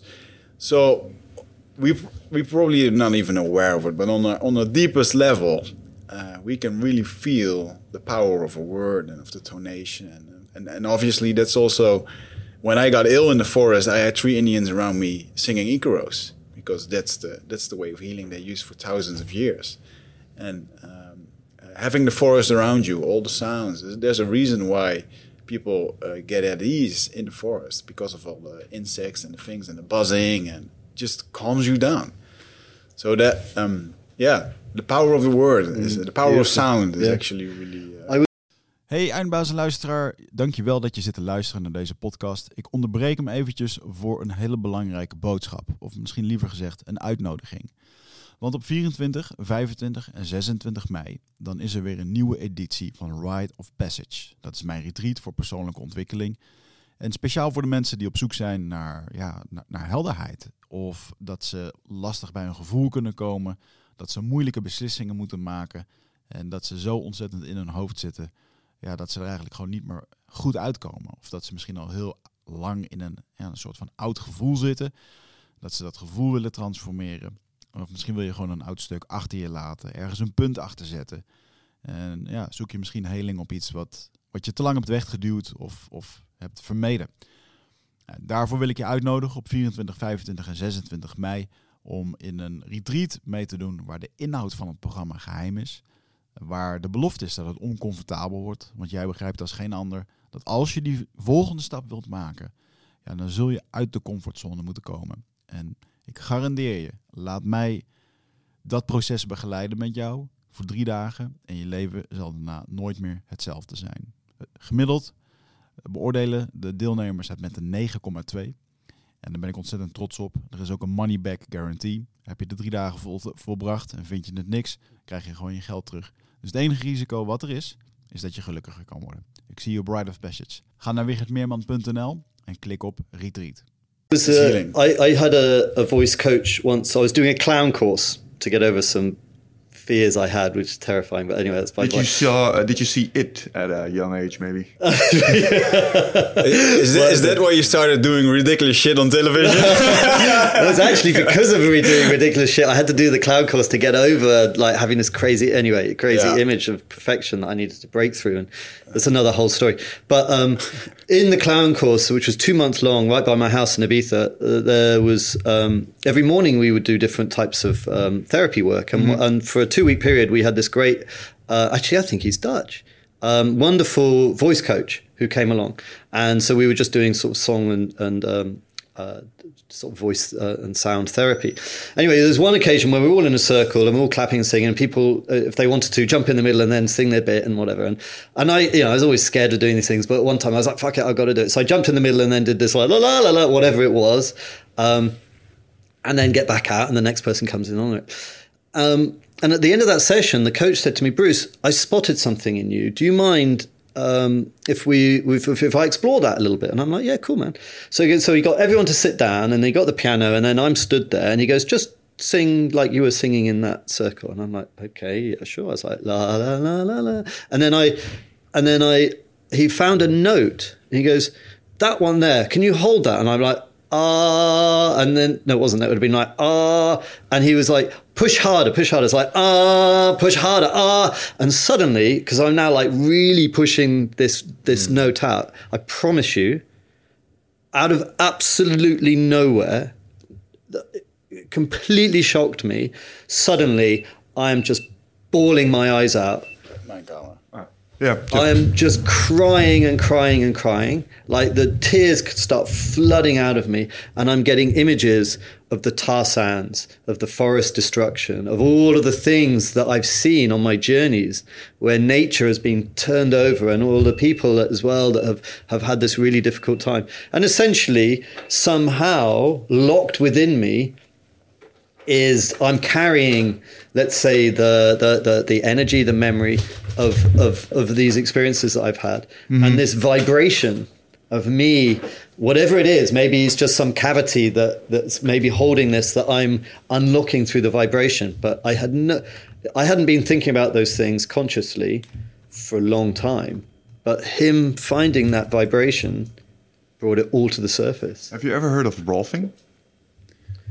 Yes, but but no, I've heard the name. We, we, we spoke about Steve Maxwell a little before yes. the podcast, right? One of his things was Rolfing, which is basically uh, a form of I think it's called myofascial release, where, where they, they you have muscular structures which yes. are like totally cramped up. They release that. It's very um, it's a hard way of massaging. Yes. But usually when people go through that, they have similar emotional releases yes. because um, what happens is if you go through something traumatic or uh, that kind of stops or you get distracted, you store that energy somewhere in your body because it's just an unfinished reflex. Of course. And, yeah. and that, that kind of builds up. I totally agree. And I that think feels... that if you hit a, certain note, maybe the same like with uh, the mantras, you might vibrate certain parts of your body and maybe that releases I it. I think that makes a lot of sense, you know, and like um, I was wondering what it's Volfing, yeah. Rolfing. Rolfing, yeah, yeah, yeah. I have heard that term, and that makes a lot of sense to me. And I mean, you think you look at animals after they've been chased by a lion, and you see the shaking out of exactly all of that, that, sort of like adrenaline, um, flight or fight, sort of uh, hormonal release. And we have so much stress in our lives, and we have no tools and methods mm-hmm. for getting mm-hmm. these things out. It's no surprise to me that we've got little muscles that are all tight yeah. and knotted. And I've certainly felt that in my meditations of going in and finding things. And also, I think our neural pathways. You know, we've other cultures fully accept that our emotions are stored in our stomach, our intuitions are in our heart, and our brain is for analytical thought. And that mm. makes a lot of sense to them. And for us, it's like only up in the head. And I've spoken to a number of shaman in the past who've, who've dealt with um, Westerners a lot. Mm-hmm. And I've often said, like, okay, you've, you've done hundreds of ceremonies with loads and loads of, of you know, Europeans and North Americans what is the biggest single problem that you see us us all having? And they would all say the same thing. It's like all you're all in the head. You're mm-hmm. all just stuck in the head. And these groups, these other groups, know that actually the heart and the stomach and the whole body is is an integrated system, and that all of this stuff is needs to be healthy too. You know, and we're not. We're like so knotted and tight. And I think that's what you you you notice when you do things like ayahuasca is sometimes you'll relive a memory of some trauma that's happened to you and you'll get a physiological response and you can relive it from the perspective of being a more mature wiser person and and release some of that stored up pent up like yep. uh, fear or trauma or whatever it is and it really genuinely feels like that you're letting it out and then also you're rewiring your rewiring your neural circuitry to not react in the same way because you're like okay that's why I'm behaving like that as a defense mechanism or it's whatever because of that thing. Yeah. And you have a moment to be able to do that rewiring. I think that's why, uh, especially ayahuasca and uh, iboga, uh, iboga uh, are very uh, very useful tools in combating addiction. I Yeah. think it actually raises your neuroplasticity and the, the for the, the highway you made in your head Absolutely. on your neurological yeah. system it kind of dissipates and you can build new roads. Yeah, yeah, absolutely. I'm probably mutilating That's it, but something way like that, saying yeah. what I was trying to say. Yeah, Yeah. yeah. No, I think that uh, my own experience of doing that. I mean, I I went back and relived my own birth. Um, What was that like? very very weird but I like can for- imagine. so i had done i had done a, like a meditation retreat or something and i'd noticed something in my gut and then i was meditating on it on a daily basis and so there's something like behind my belly button. Right, right. um, something behind my belly button that was um, like an, uh, what felt like like an, a little electrical pulse that was and I, because I was meditating I was able to feel it and it was moving around. And then um, so I was kind of having interest in my daily meditations to sort of chase this thing around my body. Uh, and then around that time I, something else started happening to me was that I was then getting these nightmares when I'd wake up in the night and I was having this type of it wasn't like a nightmare of visions. It was a nightmare of like waking up like choking almost. And it was I sort of described it as like as if I couldn't I couldn't breathe I couldn't swallow and I was like trying to regurgitate an egg but I couldn't. It was like this sort of experience. Really really weird. And but the weirdest thing was that I remembered shit. When I was a child like a really young child I used to have this type of nightmare all the time and I've totally forgotten about it in like the last 30 uh-huh. years. It's like this this is coming back to me because of something that's going on. Anyway just so happens that around that time I'm doing a ceremony in Colombia. And so I'm doing all of this sort of meditation work and this, these things are happening to me and then I go into a ceremony and I I basically um, in the course of that ceremony go back into the womb and I'm reborn. And this whole thing around my neck and in my belly button is like playing out.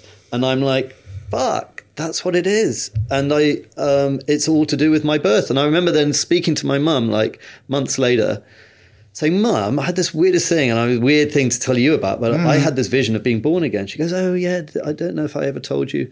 Um, yeah, when you were born, the umbilicus was around your neck. I had to stop the contractions. We had to cut it off, and you went blue, you know, this whole thing. And you're like, How weird is that? That's mysterious. Whenever I hear about stories about ayahuasca, stuff like this makes me well, there must be something to this.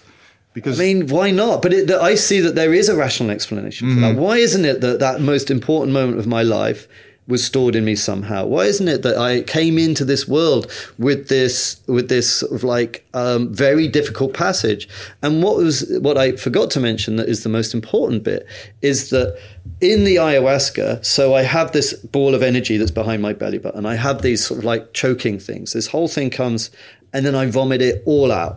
I vomit it all out, and I promise you, from one day to the next, I wanted to run around the room and and shake everyone's hands and go. Something's changed inside me that's so big, I feel like a completely different human hmm. being. And what I realized was that actually the big thing that shifted in me at that stage was I used to have a fear of something and that that had gone. But that fear had played out in ways in my life where I used to like kind of shout people down a bit. And it's so weird. I mean, it would take me a while to find the thread to tell you exactly why it is that that particular thing brought about that particular behavior. Mm-hmm. But I promise you, after that experience of throwing that up, I noticed in myself, wow, I'm not doing that anymore. It was like, wow, I'm something deep has changed in me. I mean, I remember, I used to remember, say, for example, having meetings where I had a little bit of voice, like suddenly coming to with the whole room like staring at me, and me realized, God, I've just had a rant and I didn't even know. And I don't do that anymore, or not as much. it's in the nature. Yeah, I get it. Well, I, I find it. Um, I always wonder uh, uh, when I hear these things. I'm always like, "Wow, you are such uh, a result of everything that happened to you." The the, uh, the uh, subconscious behavior that you manifested because of that one trauma at the beginning of your life uh, probably set the course of your life in so many subtle Absolutely. ways. Which I have to be grateful for too. You know, I was speaking to a wise friend of mine because I remember, like it, that, and also the next day, sort of t- t- f- f- battling because I was a little bit left and I wanted to get it out and I kind of almost demonized it and was like, get this thing out of me. I don't want it anymore. And then a friend of mine was like, Bruce, don't forget that that thing that you're now sort of demonizing and all the rest of it, maybe um, you have to actually come to peace with it and thank it in some ways. It's like you are who you are as a result of all the things that have happened to you, good and bad. And like, look at your life; it's amazing. Yep. And so, yes, maybe you've had some fear. Maybe that's altered your behavior. Maybe you've lost some empathy. Maybe it wasn't. You know, maybe there's a whole bunch of reasons, but actually, that would have also served you too. So don't just hate it, and and that really was really helpful, and it actually did allow me to to, to Yeah. let more go. Yeah, if you if you go back to Mr. Peterson, he is very uh, adamant about a little bit of fear is very good. Mm. It's very good to have something of that you don't want, or at least feel an urgency because if you don't act, something bad will happen. It's very good motivational tool Yeah, nice. if you can sense that. What I find so uh, amazing about these stories is the fact that, and I've heard. Obviously, uh, entheogens, medicine, but I also heard it uh, be called technology because it's so very well special that there's apparently these roots and these vines that you can take and they have all these almost magical properties in, in the way you perceive the world and your consciousness develops. Um, and they seem to be global right? This is a phenomenon and they all have their different kinds of entheogens but all these tribes usually have something similar which is a question Um, I mean, you know, we were saying earlier about how things like whether it's plant medicines or yoga or meditation or chanting, or you know, you could you could put them all in the same bracket as a technology for reconnection, if you want. That Yeah. would be some way that I, if I had to like write one sentence, I would perhaps say, yeah, you could say they're technologies. And like you know, all of these terms can get a bit loose like what's a shaman you know like what is technology? All of this sort of stuff is is is it can, it can be a bit loose if it's not defined well. I mean you could even say fire is a technology. I mean like technology goes back a long long way. Um, so a lot of it depends on on on the way that we want to define these terms. But yeah i think that um, Well, what they're usually hinting at when, when they say technology, this is something that was put here by higher powers to make us connect to them. Ah, well, in that case, that's subtly different because I would always have considered technology to be something that, that's created more in the human realm. Um, if it's something that's that's coming about as a result of a higher power, well, then you're entering into a whole nother level. Um, you know, I do find it interesting. It's like you know, why are why are certain plants putting in a lot of energy into creating certain compounds? That's interesting, you know, mm-hmm. because generally when you look at most of the makeup of most things, there's a reason for it. And like, so why is this plant creating something that interacts with us in such a way that does mm-hmm. this? Now, you can ask that question and come up with a thousand different answers. I personally like the answer. I like the idea that perhaps there is some feedback loop whereby it sees that we need that and and that we that it will help us to reconnect. Mm-hmm. You know, I mean, like that. Why not? And like, of course, there's no way of knowing that. There's no way of proving that, and we could waffle on about it for for weeks. But I I have come to believe in my life that there's so much unexplained mm-hmm. mystery and wonder out there, and I like it remaining in the realm of mystery and wonder. It, it brings about something inside of me that reminds me that I can't control nature, that mm-hmm. I'm not bigger than nature, that I am part of it. It humbles me, and it makes me feel amazing. And I'd much rather that and hold on to that, the mystery of it, than think that I can like know it all and control it all, because that leads to all sorts of problems. Or it could inspire more awe. If you talk about, um, for example, the way we treat this world, we are mucking up this world. But if we would discover that there's actually some connection between us and our environment, and this seems to produce something that makes us change our behavior, because that's a common thread in people who do entheogens. Like, we need to take care of this planet. Yeah. What if it's a plant consciousness way? Because there's a lot of investigation going on there. Um, plants, plants seem to be smarter than we think they are. So maybe that's their way of giving uh, feedback to us. And that was the question I was working towards. I've heard it say, and maybe uh, you can uh, talk talk about this. That, for example, ayahuasca, shrooms, or iboga, they all seem to have this very particular local flavor. So if you take psilocybin, there's a lot of Mexican patterns, for example. And if you take ayahuasca, there's, there's the jaguar, the condor, the mm. snake. My girlfriend recently did an ayahuasca experience. She knew nothing about the whole lore, not in the way that we do. She saw the condor, she saw the jaguar, she saw the snake. There's a pattern there. She didn't know about this. Mm. So there's no cultural bias there. So that kind of makes me wonder is there something in that plant that's talking regionally? It has like a dialect or something. Is that something you recognize? That's um, you know what uh, I haven't I haven't uh, had that localization as strongly as as that.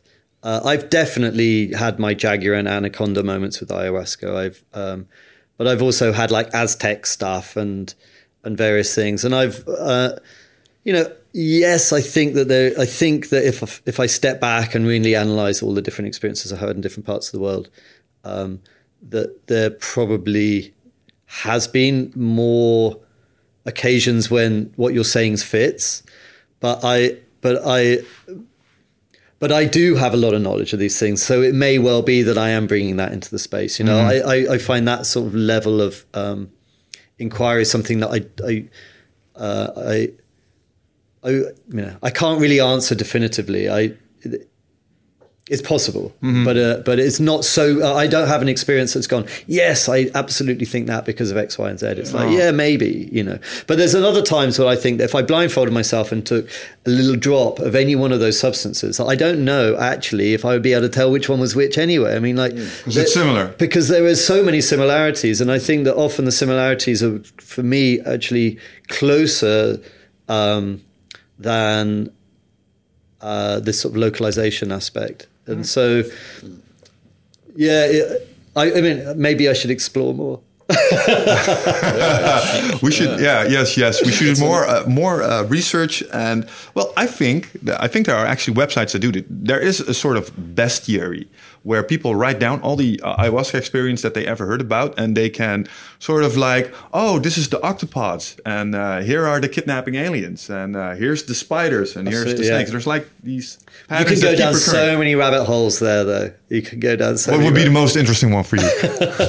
What's Well, one you that know, pops to mind? The, the, in all honesty, the most interesting one for me is the healing because I've uh, we've all got lots of friends who do a lot of entheogens and they're out there in the akashic fields trying to figure out the life of the universe and everything and like and that's great. But actually, to me, the real work is here. The real work is in our own bodies, trying to unlock our traumas so that we can be better human beings to each other and the planet. That's the work. And like we can all get, there's a little bit of like mental masturbation going on with all of that other realm. And, and of course, that's great. And I'm all, we're all up for it, but not alone. No. Not just that, because that shit, you can get lost in that wormhole forever. I think the real answers are inside us. The real answers about being incarnated in this world, and this is where the work needs to be done. And yes, we'll all go back out to the amorphous blob and have the most wonderful continuation at one stage. But look, we're here on this planet. It's amazing. Let's keep it going. Let's not fuck it up. One term though that, that Yeah. triggered me: the archaic fields. Um, yeah. So the oh, I had the word a minute ago. What did I call it? Um, the akashic, the akashic uh, records. You've heard of that? Well, it, it triggers something, but what, what tree, exactly? right? What, what is it? Well, there's all sorts of, um, d- depending on the philosophy, but one of the ideas that what the Akashic realm might be is whereby every bit of information that's ever been is is also held in every tiniest molecule that's ever been. Morphic so- resonance. Kind of morphic resonance, a little bit. Um, oh, what's his name? Uh, Ervin Laszlo talks about this, and a few other people. It's like so. It's it's like uh, like the, the the the memory of everything and the knowing of everything is everywhere, and you can tap into it at any point. And um, and so these are just competing thoughts and philosophies for what you know what the whole thing's about. Um, universal sort of like theories of everything. But um, yeah, so like some people will enter into that realm, going like, oh, no, I can undo these these these places and fi- find all the answers really. Um, and uh, I, I think there's something about there's something in that, but I, like I said, I'm much more interested in. in the here and now. Reminds me of a shaman who told me uh, when I asked him, um, it's always a, you know, it's always a, a bad thing to compare shamans. Like for an, an uh, you know, an ayahuasca experience is never the same. No many, how many of you've done, and um, you know, I had one shaman and I had a Peruvian shaman before, and they have different styles. I was trying to compare and trying to figure out the language, the Icaros, and I asked them like, um, you sing different Icaros, but can you understand the Peruvian uh, uh, Icaros? He's like, well, we don't speak the same language, but uh, when we're in the space, I know what it, what it's about. Yeah, beautiful. And uh, yeah, it's really interesting. Uh, the world of Icaros is a is a special I, thing. I, you know, we've all had the great privilege of drinking with with different people and different cultures and different places, and you know, a lot of the the songs, the guitar songs and the word songs, are all wonderful. But when someone sings true Icaro, which is not mm-hmm. so much about words, but it's more about sounds. For me, that just goes straight to the Yeah. source. It's like, wow, that's the that's the real magic there.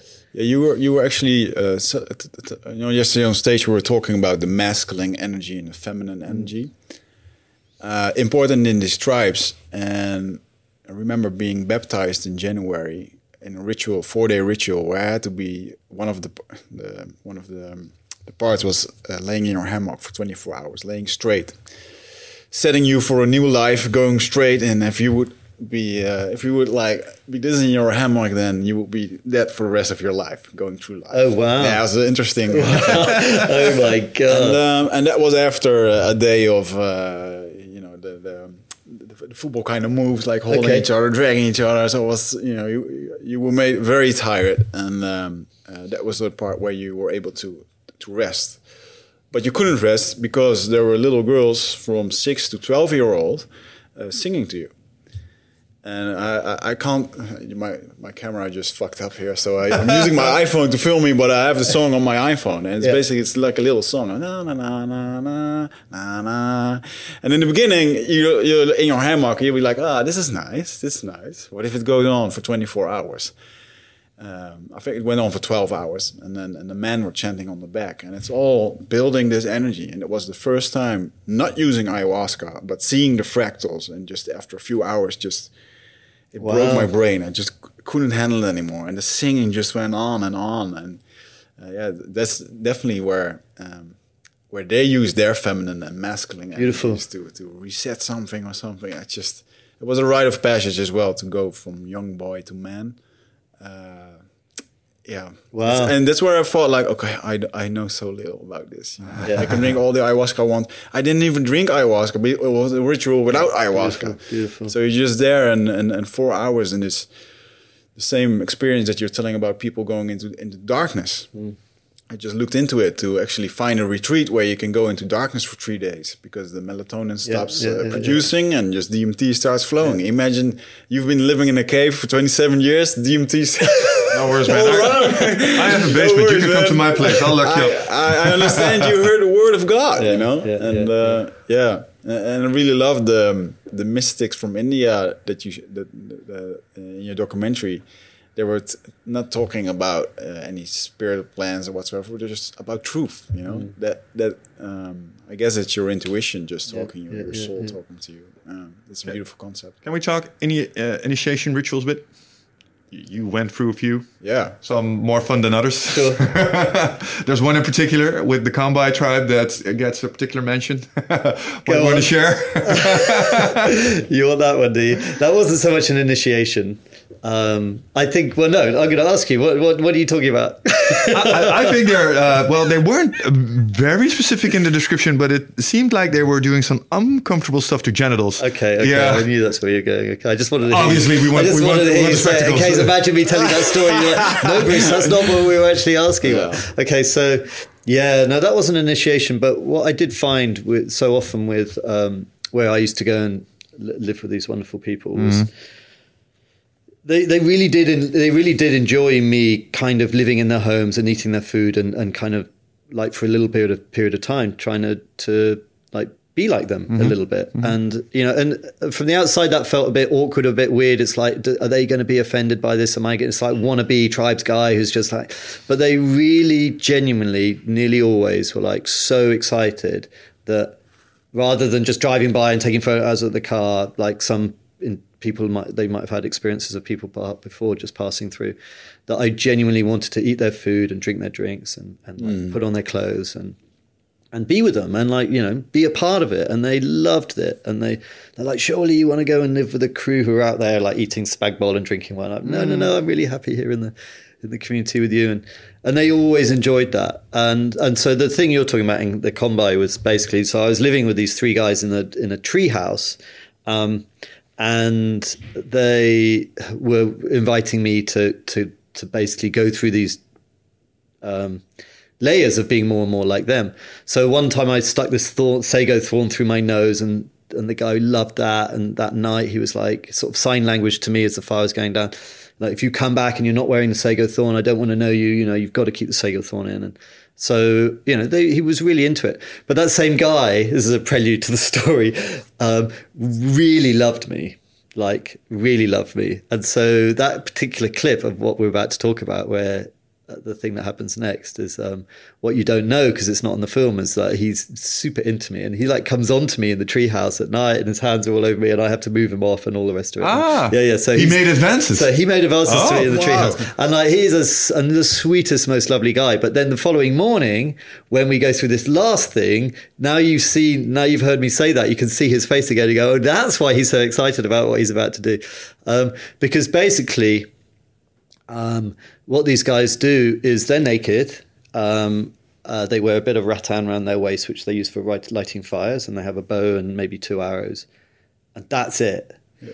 So when they're running through the forest, though, your your your balls like they have their own side of equilibrium. They don't really get in the way, but Yep. dicks, as gu- all guys know, just like flap around, and they're kind of when you're naked running around, it's just a bit annoying, and you don't want that shit getting caught in a thorn or anything. So they have to figure out ways of dealing with it. So in that particular part of the world, quite often they will stick them into like a hollowed out uh, gourd, like a like a dried out vegetable that's like long and thin that they grow, and they stick them into that. So they wear these penis gourds and then tie them up, and so they'll and then different tribes have different size and shape ones, and it's hilarious, like of dick gourd competitions going on around the Hierarchy. dick hierarchy. dick hierarchy. Yeah, I mean, like literally, some of them have these huge things, like you know, fatter than your leg, like coming Composition, up. And they yeah. keep their like, tobacco in the top of it and stuff. So, so either they do that, or the other thing they do is they literally tuck the dick back inside the body. Yeah. And that's what this guy was going to do to me. So, literally, after having him come onto me in the treehouse, like a naked cannibal wearing a vegetable coming onto me in the fucking treehouse the night before, and then the next morning, he's Yeah, got, sounds, sounds kind of exciting. It could be a dream for somebody. the next morning, uh, so there he is. He's like um, whips my shorts down and grabs hold of my dick, and um, and then I'm like, I don't want to push him away because I love this guy. He's amazing, but I have to go through two translators to say, you know, please, what, what's going on? Um, but but in the meantime, he's already at it. So if you imagine, if you imagine you had a sausage roll and you squeezed it really hard, the meat would shoot. Yeah. Yeah. So like basically, he rolls over my foreskin tight, and then he holds my foreskin tight, and then he grabs my dick, and he looks up at me, and he just goes like that, Oh. and then I feel it basically coming back inside my body, and it's like the weirdest experience. do that? It's like it's what the hell, and um, and so I'm like and- The expression on her face is probably my god, it's like what is really going on, and so like all I remember is. Um, like wanting to push guy away, it's, it's not painful, but I felt completely like I'm about to faint. So I look over and I got the camera literally inches away from my face, and then I got the director who's talking to me, but I can't hear a word he's saying because I'm ringing, my ears are ringing, and like I'm pouring with sweat. Wow. And I look at myself later, I'm white as a sheet, and I'm going to faint. So I like lay down. If you're going to faint, you've got to lay down to get the blood to your head. So I lay down to li- put my legs in the air to get the. blood. So you got this image. Thank God didn't make it to this to the final show. Like me with half my dick missing, lying down with my legs in the air, ah. fucking naked, like completely white as sweat. Yeah. So that was, Nowhere I think in that's this what you were getting in at. this yeah. journey are you like, what the hell am I doing here? I need to go home. Look at that grinning camera guy. But like, you know, I've met people. I've meet people occasionally. It's like uh, who are just in the streets around like different parts of the world, and like, oh, you remember that thing? You know, I tried that, and I'm like, you what? Why would you want to do that? That's so weird. yeah. Yeah. So, but, but this wasn't really an initi- initiation No, ritual. this was but just him wanting me to to sort of like go down the process of being like him. Did kind of answer one of my questions though. I was wondering about um, in tribes if there's something like homosexuality and how they actually deal with it. Apparently, it's pretty open there, and they. Don't Well, I think again, you know, I, I haven't spent long enough in any of these groups to be able to answer that definitively. But I have read quite a lot and I've spoken to many people who've spent decades with these groups. But very few people have spent decades with lots of groups, you know. So I have a particular niche in the market of having visited many. And then other people have much more knowledge of, of one group for a long period of time. Um, and I think that clearly there's um, uh, homosexuality and um, all sorts of different ways of, of uh, enjoying sex and relationships in all of these groups. And so I think that, that it is there, and there's definitely, um, you know, yeah, it's it's there. I, I haven't come across it very often, but I'm I, I have no doubt that it's taboo. evident. There are some Well, again, it's just all depending on the culture, and so it's very easy in this particular area to generalize. It's Yes, like yes. the same with relationships. You know, like uh, the type of relationship is so different in all of these groups. I mean, I've been with um, polygamous and polyandrous, and you know, the, every type of relationship and family structure that's out there, I've pretty much come along, come across. You know, where, where, where women have more than one husband, where where it's much more um, open, and women can have husbands and men can have women, and or where it's much more um, monogamous, and so they're all out there. And I think so much of that will depend on the environment. Yeah. and and the and the sort of and the structure of of uh, hereditary who's passing on what and which line it goes down. You know that's when it gets incredibly complicated. Um, I think that in that area though that as you know the groups that I'm most interested in now are the these egalitarian groups and and that's where I feel that there's this sort of insight into something because there's no coercion. There's no one being told, "Oh, you've got to wear blue, blue, and you've got to wear." You know, there's no coercion in these spaces. People are basically free to be whatever they want to be, um, and yet. And I mean, and there really is no coercion. I mean, th- of course, nature has its own limiting factor on society.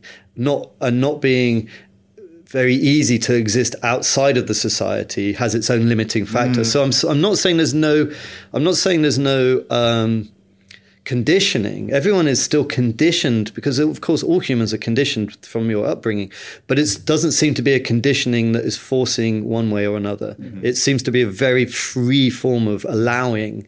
Um, and yet, what I did notice in in those groups were there was actually quite a strong division between the men and the women and a division in labor and a division in in activity.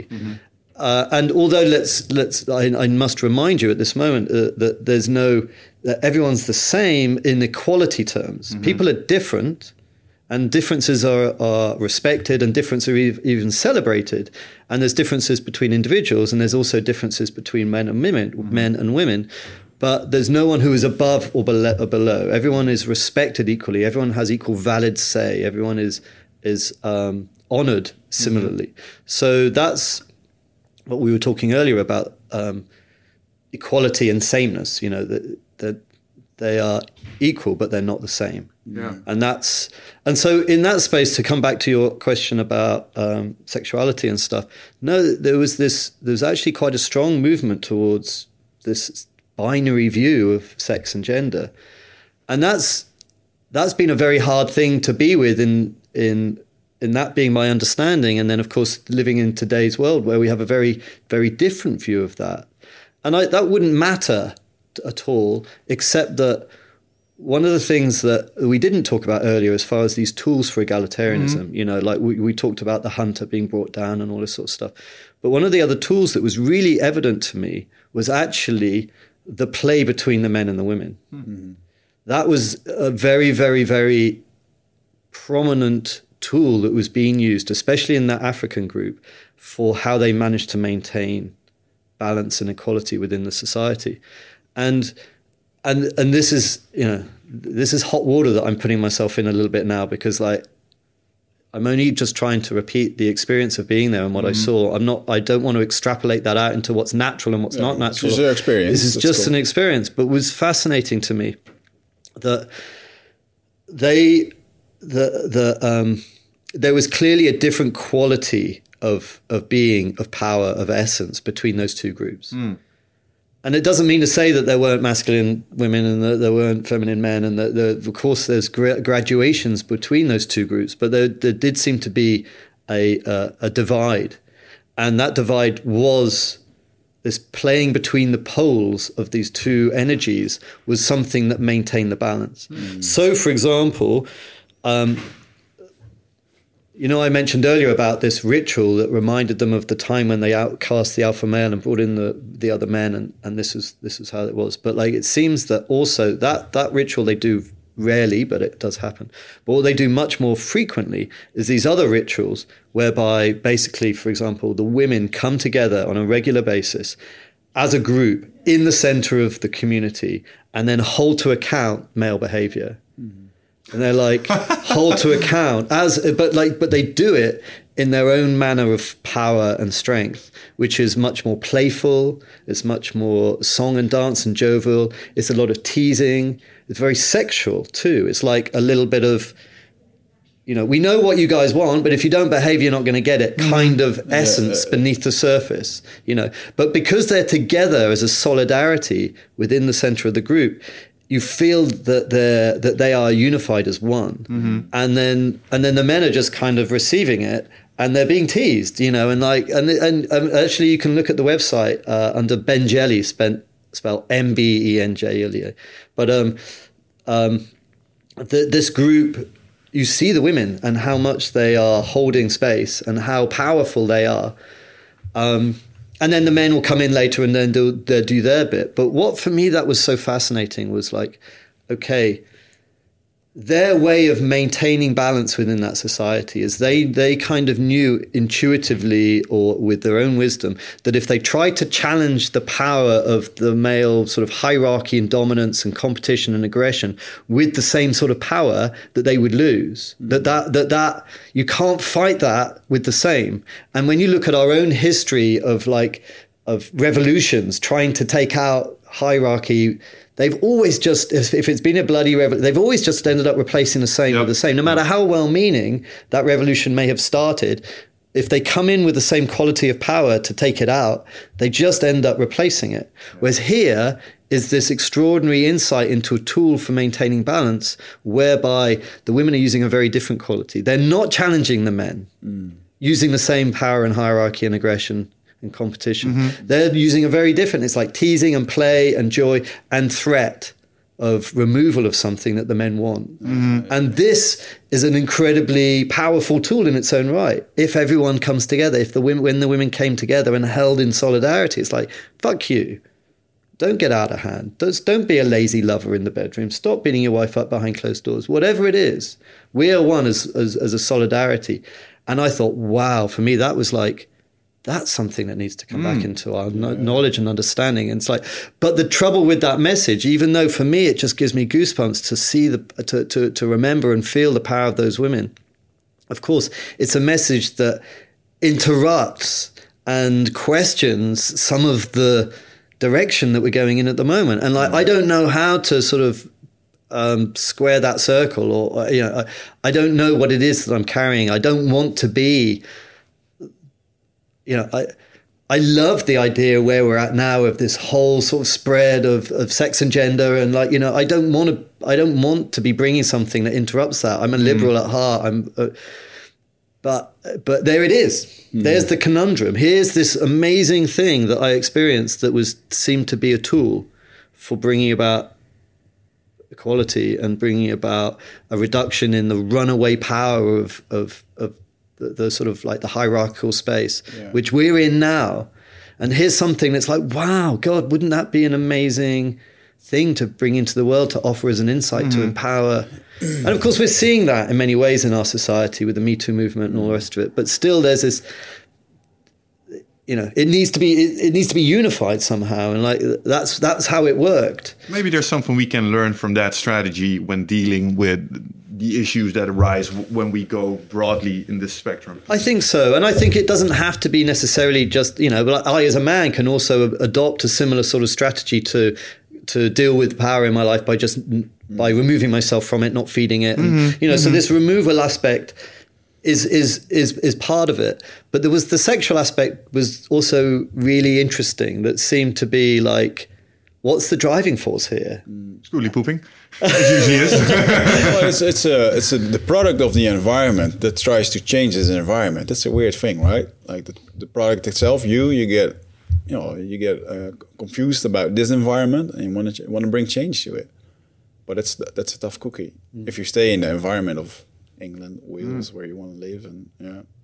Just uh, one more question about um, this connecting uh, with each other. Um, I found that in many tribes, um, connection also was a big part in cannibalism, right? Eating- Cannibalism. Cannibalism. Okay. Yeah. Eating the elders to stay connected with them. Um, I've read about many tribes. Um, some uh, make the, burn them and put them into banana mixes and eat them. And Yeah. Um, I can't really imagine uh, somebody eat, eating a leg over the fire. But uh, did you experience any um, special cannibalism encounters in your journeys? Yeah, I did actually. And, you know, Human tastes great.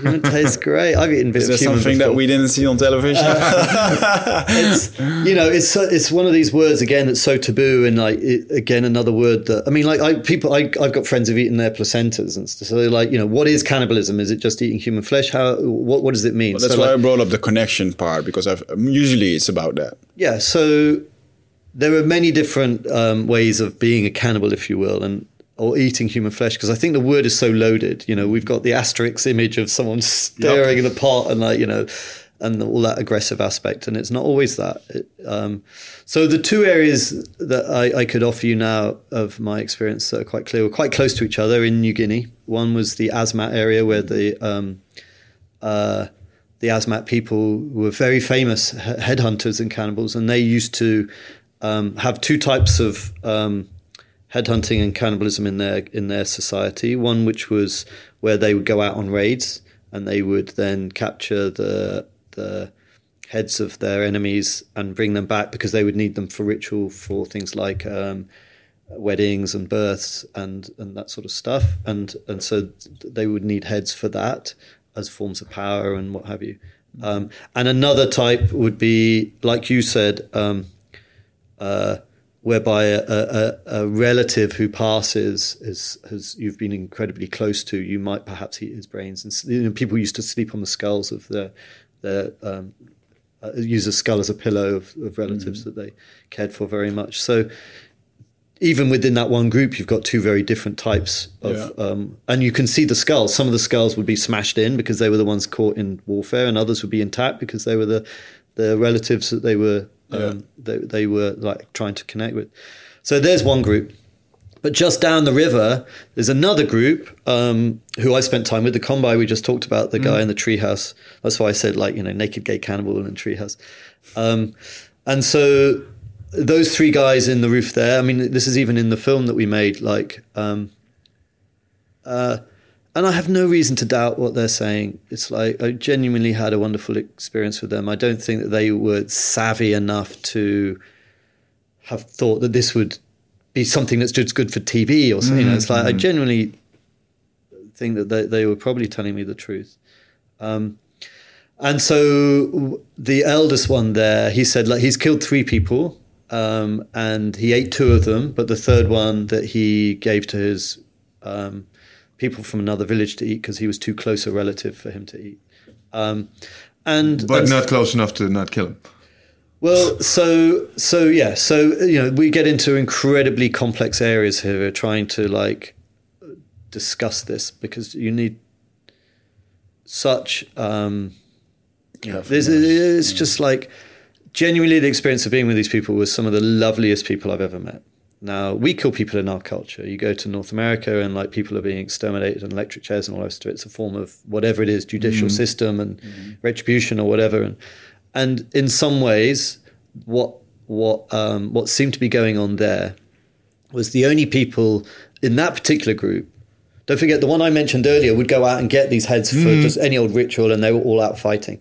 This was different. This was another group who were living in tree houses, and the only time they would ever um, kill and eat someone was if they felt that witchcraft was at play. And so the two things in that culture that people are most scared of Yeah. is witchcraft or being accused of being a witch. Yeah. And Because if I was on my deathbed and I said, "Oh, Jimmy did it," then my brothers might be duty bound to go and get Jimmy. So, in its funny sort of way, looked through a different prism. That was because it didn't happen very often, but it certainly kept people in line. Mm-hmm, mm-hmm. Yeah. just like the death penalty. It's it, it's well.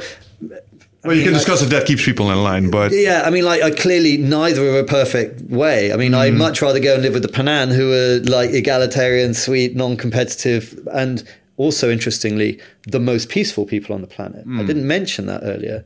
We'll come to that in a second, but like, But they had so- wars with the Iban, right? And uh, no, the, the the the so the Iban and the Dayaks of of Nor- who are all pretty aggressive, and they had headhunting too, Ah, yeah, and they're, they're but they're settled farmers. Okay, okay. They came in a wave of of migration like twenty thousand years later Mm-hmm. than the Penan, who were there, and the Penan are known to be what they call conflict adverse. Oh. And most of these egalitarian groups, which is crazy, because all of this stuff, we've talked a lot about egalitarianism this evening. The one thing I forgot to mention is that Jerome said to me, oh, you know, these are the most peaceful people on the planet. I'm like, Jerome, come, you can't make these like broad. I'm in television. this is going to be recorded. Like, you can't just make these broad statements. This is like crazy. And we, you know, it's in the film. But the only reason I put it in the film is because he said, Bruce, you keep forgetting. It's like, you know, I'm an anthropologist. I study at UCL.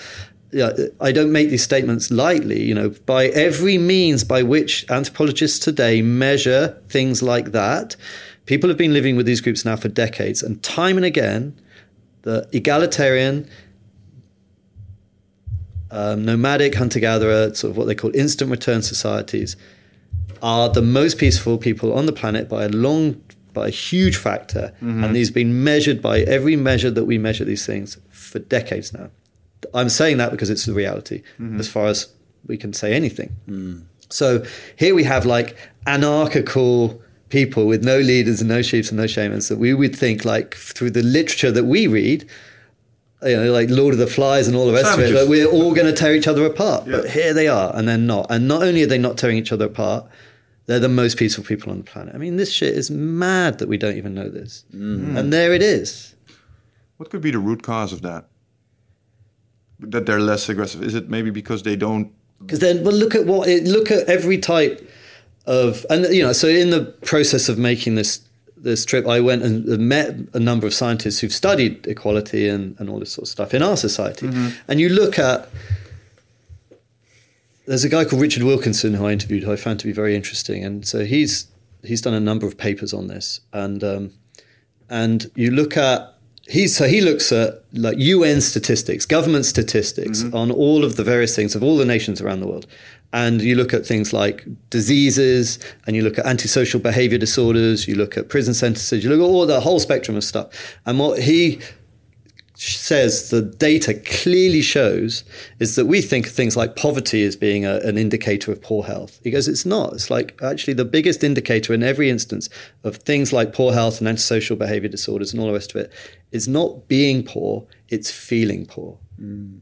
That's it. It's who, how much disparity of wealth is there within that society? How are you feeling next to your neighbor who's got the Porsche and you're the guy who go, I'm just as good as you, but society isn't allowing me to climb the ladder in the same way. Fuck you. And the stress that we get from feeling that and the stress that all of those things, that's the biggest indicator. And so it's no surprise to me that actually people who have an equality look at Scandinavian countries and even this one to, to No possessions means no uh, comparison stress Yeah. means less aggression. All of that. It makes sense. That's a good one. Feeling poor. Yeah. Yeah, there's no abundance in feeling poor. Interesting. Yeah. One thing that that um, might tap into this is that um, it doesn't matter where you are. Uh, if you're a human, you're going to encounter hardship. Um, one of the greatest tools that I encountered in my life to deal with hardship is humor. Yeah. Look at it like a joke. Just, Yeah, yeah, it's yeah. a game. Just laugh it away. What is something that everybody on this planet doesn't matter if you have an iPhone or you hunt with a, a bow and arrow finds funny?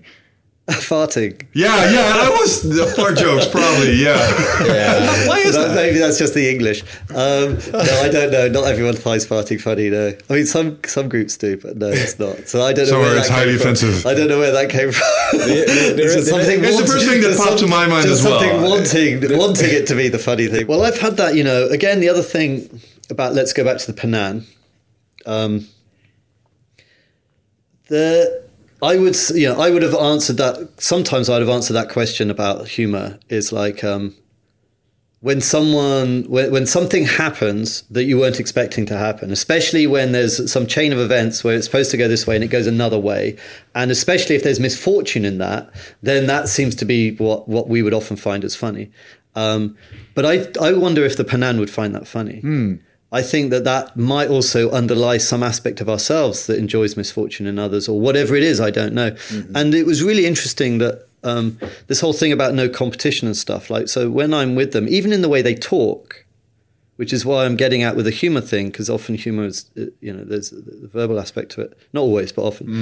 But it's like so much of how I've enjoyed my life in you know growing up the way I do and being a marine and like partying and all those sorts of things has been like the sort of ban what we would call banter you know? It's like the wit the, Yeah. the chat the like but but if I actually dissect a lot of that banter and wit mm. I see that there's there's an invisible hierarchy at play all the time in that. It's like who can be a little bit funnier? Who can actually put you down a little in the cleverest mm. cleverest little way? But actually I'm having a little poke here and I'm having a little poke there. And then when I'm with the Penan that was the other one of these other very subtle things that um, that I couldn't. I found it very hard to put my finger on, but th- I just don't believe that they're operating in that way. Huh. Because they do tease, apparently. The Penan, Yeah. yeah, no, I think that's definitely true. No, I think that's definitely true. So like the jibs and jabs. We, we spoke about this as well. That there's this tendency we're both martial artists, and in the locker room, there's always this like you're dissing each other just a little. Yeah. Not enough to be rude, Yeah. but enough to feel uh, well. You know, Yeah. Everybody's having a laugh It's at a someone's play. It's a- expense. It's a, it's- it's a yeah. play. But what you're what you're actually saying is that might be a way to establish the. I think the that I think that it was just really interesting to see their way of um, their way of interacting didn't seem to have so much of that. Hmm. Having said that, you're right. There is a teasing, but often that teasing will be when someone's down. Hmm. It's like a play. It's like a tickling them to bring them up again. Ah. So that's sort of a teasing. Yes, it's like, come on, stop being a fucking, stop being, you know, a mope. Yeah, you know, bring up. it, bring up. Yeah, basically, rather than that, I'm more than you kind of teasing, which which perhaps would be more the locker room. Yeah, yeah, yeah. Uh, there's a famous group in, called the Zoe who, uh, who live in the Amazon who who are famous for that. You know, if anyone's down, they they will tease them and tickle them. And they tickle. They're called the tickling train. You know, they tickle and come in and like literally, and they're all naked, lying around on top of each other. They've all got multiple husbands and wives, and and they're I, I would imagine. Yes. yeah, and they and they're very very famous for like tickling people back into place. And likewise with the Mbendjele, who are also egalitarian, uh, as I said, you know, the African tribe. They, um, yeah, the women are very much teasing the men, but they're generally teasing them to bring them down a bit. To, to make the to to, to uh, counter their behavior, so it's it's not ever about trying to raise yourself up. It's trying to maintain the balance. Ego management, basically. basically ego management, isn't it? Yeah, it was. Yeah. I remember when I was with the with the cameraman on the in when I was with the Penan this time. No, the sorry, the the Sandman, lovely, amazing guy, um, and um, he would run around and like throw the kids in the air, and they all loved it and were playing, and like it was like quite raucous, and the kids were running around and wanting more, more, more. You know, as you know, as kids do, like being thrown in the air. And normally, when I'm working with these these um, on these films, it's just me that's that's interacting with the tribe, and that generally the crew are very much step back. But in this time, making Tawai, the crew are much more involved, and it was interesting for me because I was like, I had to kind of find my own place within the crew and the tribe. And so when this, the friend of mine was like throwing the kids in the air and sort of being quite sort of boisterous with them, and the kids loving it, that um, I thought, oh, maybe maybe I need to do a bit of that. I'm feeling a little bit like I'm not interacting with the kids enough. So I started throwing the kids in the air. And it was so funny because I'd never done, I, I'd lived with that tribe before and I'd never behaved like that. I just basically entered in as they are and sat around. And they're generally very placid. And so when I started throwing the kids in the air, something I realized, oh my God. Because I looked around and all of the adults were like staring at me.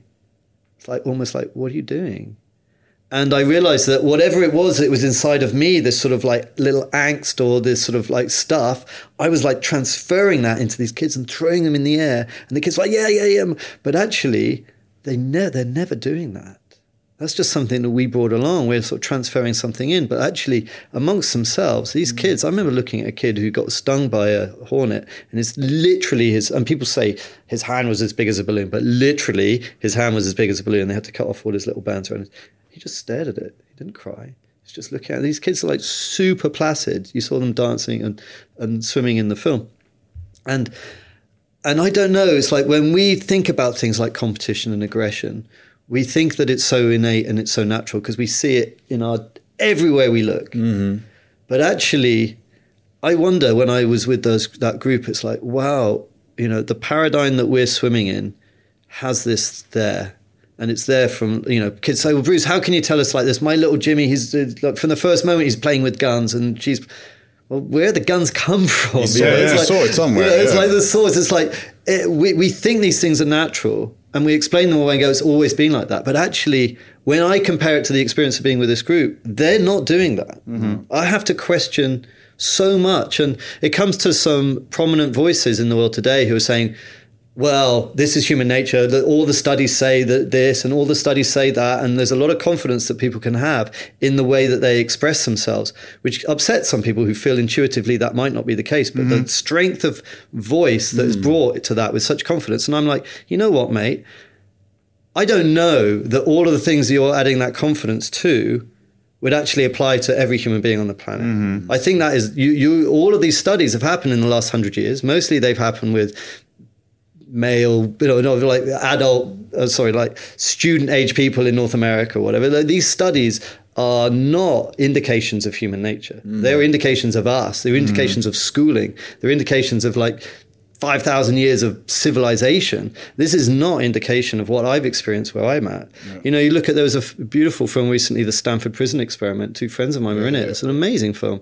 Uh, but we all step away and go, okay, that is human nature. You split a group into two, and some are prison and some are guards, you know, prisoners and some are guards, and this is the behavior that they bring back. To me, that's like, no, that's just looking at school. That's just that's just school you're seeing there. However, it's not you're, you're already nature. sketching a situation with a hierarchy from people who did bad shit and people who, who are the good guys. So there's already a diversion in this whole experiment. So you're just waiting for for it to grow. Yeah. And But- that's what happened. if you if you look at um, isn't it the the exception that sort of confirms the rule because these egalitarian uh, solutions uh, communities are way less prominent than the hierarchical uh, Of course, of course. so so there might be something to it that well well it doesn't need to be like that but if we look at the default mode we go to that but this could actually work as well isn't it more like that I think that absolutely. I'm not saying in any way that this is innate. I think that when people say there's competition inside us, he's right. But when someone says, "Look at the animal kingdom," and they're they're competi- competitive, therefore we are. It's like, look at what I learned with the Mbendjele in Africa. Look at what those women saw. And there's all sorts of evolutionary things that are very different about human beings. When you actually pull back, why is it that the women wanted to go against the alpha male and bring in the other men t- to be mm. In that space? What was mm-hmm. their motivation and how long might that have taken? What did we have to go through? So, I mean, there's all sorts of theories about this. Like, you know, we stood upright, hips narrowed, we have to give birth early, need those kids need a lot of attention and care. Very hard to do with just one guy. He's not, he's, mm. all he's doing is, you know, having sex with people when they, you know, fighting off the men. It's like we, we need a bit more help. So what what is different about us to the other apes that's kind of interesting? Well, if the women tw- wanted to try and fight against that, um, well, there would be certain things that would have to happen in order for them to be able to say no. One- so, no, one of the things that's interesting is like we come into season in unison, you know, in an ostracis at the same time. We synchronize, which others don't do. And like, so we synchronize. Why? Because it's easier for us all to say no together than one person at a time, because otherwise you'll just be dragged to the side and raped. Yep. So by coming in unison, that's another thing that humans do that's kind of interesting. The other thing you don't show when you're in season. Lots of others to show the swellings and blood, all that. We don't. The fact that we like sex the whole year round, all these things, you look at it, it's like there's lots of really interesting things. And I'm not saying that this is for real. I'm not a woman, I can't say. But it's interesting that mm-hmm. there's certain evolutionary things that have come about that have made us, that have allowed that to happen. So, yes, we, we have come from this place of competition and hierarchy, and all of the other species are showing that to some degree. But that doesn't mean that we are that. Hmm. And also, it doesn't mean to say that left to their own devices, the men wouldn't get out of hand, or even the women wouldn't get out of hand. But something has come about whereby that narrative was held. And that's why I'm fascinated by narrative. I mean, we've all read the book Sapiens. It's beautiful what he said. He talks about narrative. It's like you know, religion is a narrative, like money is a narrative, nationalism, these are mm-hmm. narratives, but they are ways of of all of us coming together under a common story. And huge societies can shift in a really f- rapid period of time. I mean, look at things like Christianity and Buddhism and stuff. For, my, for all of the wonderful aspects that they had, why why was it that so many people flooded to those things? Well, quite possibly, and like, hey, none of us know the answer to this, and I'm not trying to I'm not trying to say I have the answer. But what's interesting is that social constraints around at that time were um, were liberated through these new philosophies. So, for example, you know, um, Gentiles and Jews suddenly there's there's a there's a there's a um, there's an equality that comes about mm. at that time. Likewise, with the caste system, you know, the Buddhists didn't adhere to the caste system. No wonder teams of people rushed towards it, as well as all the other great stuff. But it is quite surprising, interesting that these huge movements came about. Also, they allowed people to transcend the bonds that they might have been in at that mm. time. Mm. That sort of story, if it gets a foothold, could do all sorts. And to know that we used to be equals and that we worked it and it worked for us and that it could, you know, it, it was it's our it was it was something that we had tools to maintain for like 95% of our time on the hmm. planet. Yes, you people would say to me, "Well, Bruce, we left the tropics. There was abundant resources, equal access to it. We could never do that again. We're not hunter gatherers. We're not meditating every day. It's an impossible dream." Hmm. And I'm like, "No, like it's the story. We do have the ability to have abundant resources again. We have the technology. We have the ability to communicate mm. with each other outside of the normal streams of power and mm. influence. We have everything we need. There is there is is all there if we just wanted it. Yeah. But we have to want it collectively. To want it collectively, we've got to know it. We've got to believe it. I I That's think the true. challenge. I think maybe that, that's something. Well, I'm a techno optimist. I would believe that something like Star Trek could be true, which is basically what you're describing: uh, uh, resources for everyone. Just focus on, you know, not on uh, war, but on progress Yeah. and stuff like that.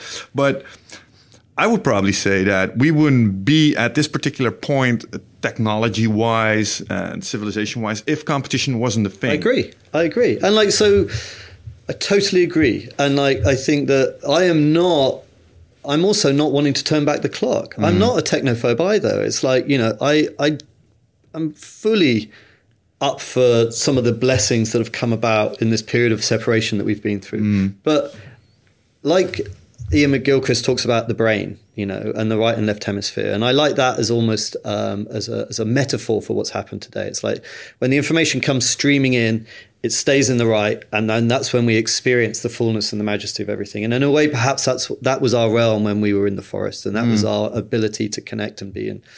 But then in this latter period, we've gone more into the left, which sees things as separate. And that's where we can create these amazing tools and technologies mm. and all the rest of it. And that's where we're kind of stuck. Mm-hmm. Like we're stuck in the left hemisphere where we see everything as separate. We see nature as a tool that can and a, to, to be used and a resource for our own designs and all the rest of it. And, and the knowledge that we can control everything. So that's where we are. But actually, the way the brain works best is for that information to then get put back into the wisdom of seeing everything in the whole. Mm-hmm. And more and more people waking up to this understanding that we're whole. The internet allows us to have this experience of being whole. And like, it makes so much sense to take that technology and place it in in the utilization of the wisdom for everyone, in the knowledge that these this way of being is actually we, we're all happier, rich and poor. Mm-hmm. We're all happier when we're together. We remember the, the happiest times of our lives are generally when we're with our peers in nature having a good time. It's not when I bought mm. the Mercedes and like got experiences. promoted. Was on my It's iPhone yeah. yeah, it's like so we're all on this conveyor belt being told these stories that this will bring you happiness and this will bring you mm-hmm. happiness. Actually, they're taking us completely the wrong direction. The simpler things are just as good, but the reason we're wanting that is because we're told that Posh and Becks are happier than us because they got all that shit, and they're not. Yeah. They're just not. No. And more so, money, more problems, basically. quite possibly, and uh, having had the privilege of having a modicum of success in my own life of of notoriety and material wealth and amazing lifestyle living in the Mediterranean and mm-hmm. all these things and and rubbing shoulders with all sorts of very successful and, and well off people. It's absolutely my belief that, that so many of these narratives that we're telling each other to bring us about happiness are pretty much going in completely the wrong direction. And so, me moving to Wales to downsize and to give away my house into community space and have it co owned and be connected to nature is not because it's like this last ditch attempt to try and find a solution to climate change, it's because I genuinely believe it will make me happier. If you um, kind of makes me wonder if you if you look at if you talk about narratives and the way we look at ourselves and the and the, and the story that we're uh, following, and you take these tribes that are a part of the world, but at the same time not really because they're sort of like isolated. How do they look at themselves in this bigger global narrative? Once once they discovered like, whoa, this is this is. Are they aware that there are on a, that they're on a planet and there's something like a moon and that there's Europe and America and that there's all this stuff that they probably have no knowledge about. you know, again, it's like obviously so many groups, everyone with a different answer to that. Um, I've come across very many degrees of that in my journeys, and um, um, there are still tribal groups on the planet that we consider to be uncontacted, but even they are aware of much. They I might heard- not be aware of cities, but they've all had interactions with the other tribes, Yeah. and it's quite possible as well that some of those groups, especially in places like the Amazon, are the refugees from like the, the, the you know the rubber times and stuff, and so we don't know much about them, but um, but there's quite possible that even they have their own understanding to some degree. But what level of understanding that is will differ. One of the things that people often used to say when I did my tribe programs is, oh, Bruce, you know, what are you doing going to these places? Surely you're changing these people by bringing in this uh, sort of cameras and the outside world and you're affecting them and stuff. And and and I understand that, and it's right and proper that people feel that um, sort of sense of loss of, of romance, and, and and I get that. But actually, what the reality is, in my experience, is that actually, um, even the most distant-looking remote indigenous group that you're seeing on television and thinking they're just in complete isolation, of course they're not. They've nearly all been to the city. Every single member of that tribe has had. They're in the cash economy to some degree. They might not have much money, but they know what it is. They can sell something and buy something. They have all been to town. Most have been to the city. I've lived with I live with a group in the middle of the Amazon who was only contacted like 20, 30, no, 30 years ago. And every single member of that community has been to Rio. You know, they're all living in this incredibly um, uh, interesting way that, re- that relates to their old ways. But they've all they're all fully they've all watched television. I have to admit, that's a bit of a disillusion. Yeah. but it's the reality because the world is so much smaller. And also the other thing is like the real the real pressures on those people isn't me coming in with a film crew. Yes, I am. I'm not trying to escape the fact that I'm affecting them. Of course, I am. I acknowledge that, and I try my hardest to make that as positive an exchange as possible. But the real forces at play are the missionaries, the miners, the loggers, the military. Ultimately, us. We're affecting them by what we buy Yeah. much more than by people going to visit them in a in a mm. holistic way. Mm-hmm. That's the pressure. Is the economic globalized system that is we don't care where the shit is that we buy it from. Mm-hmm.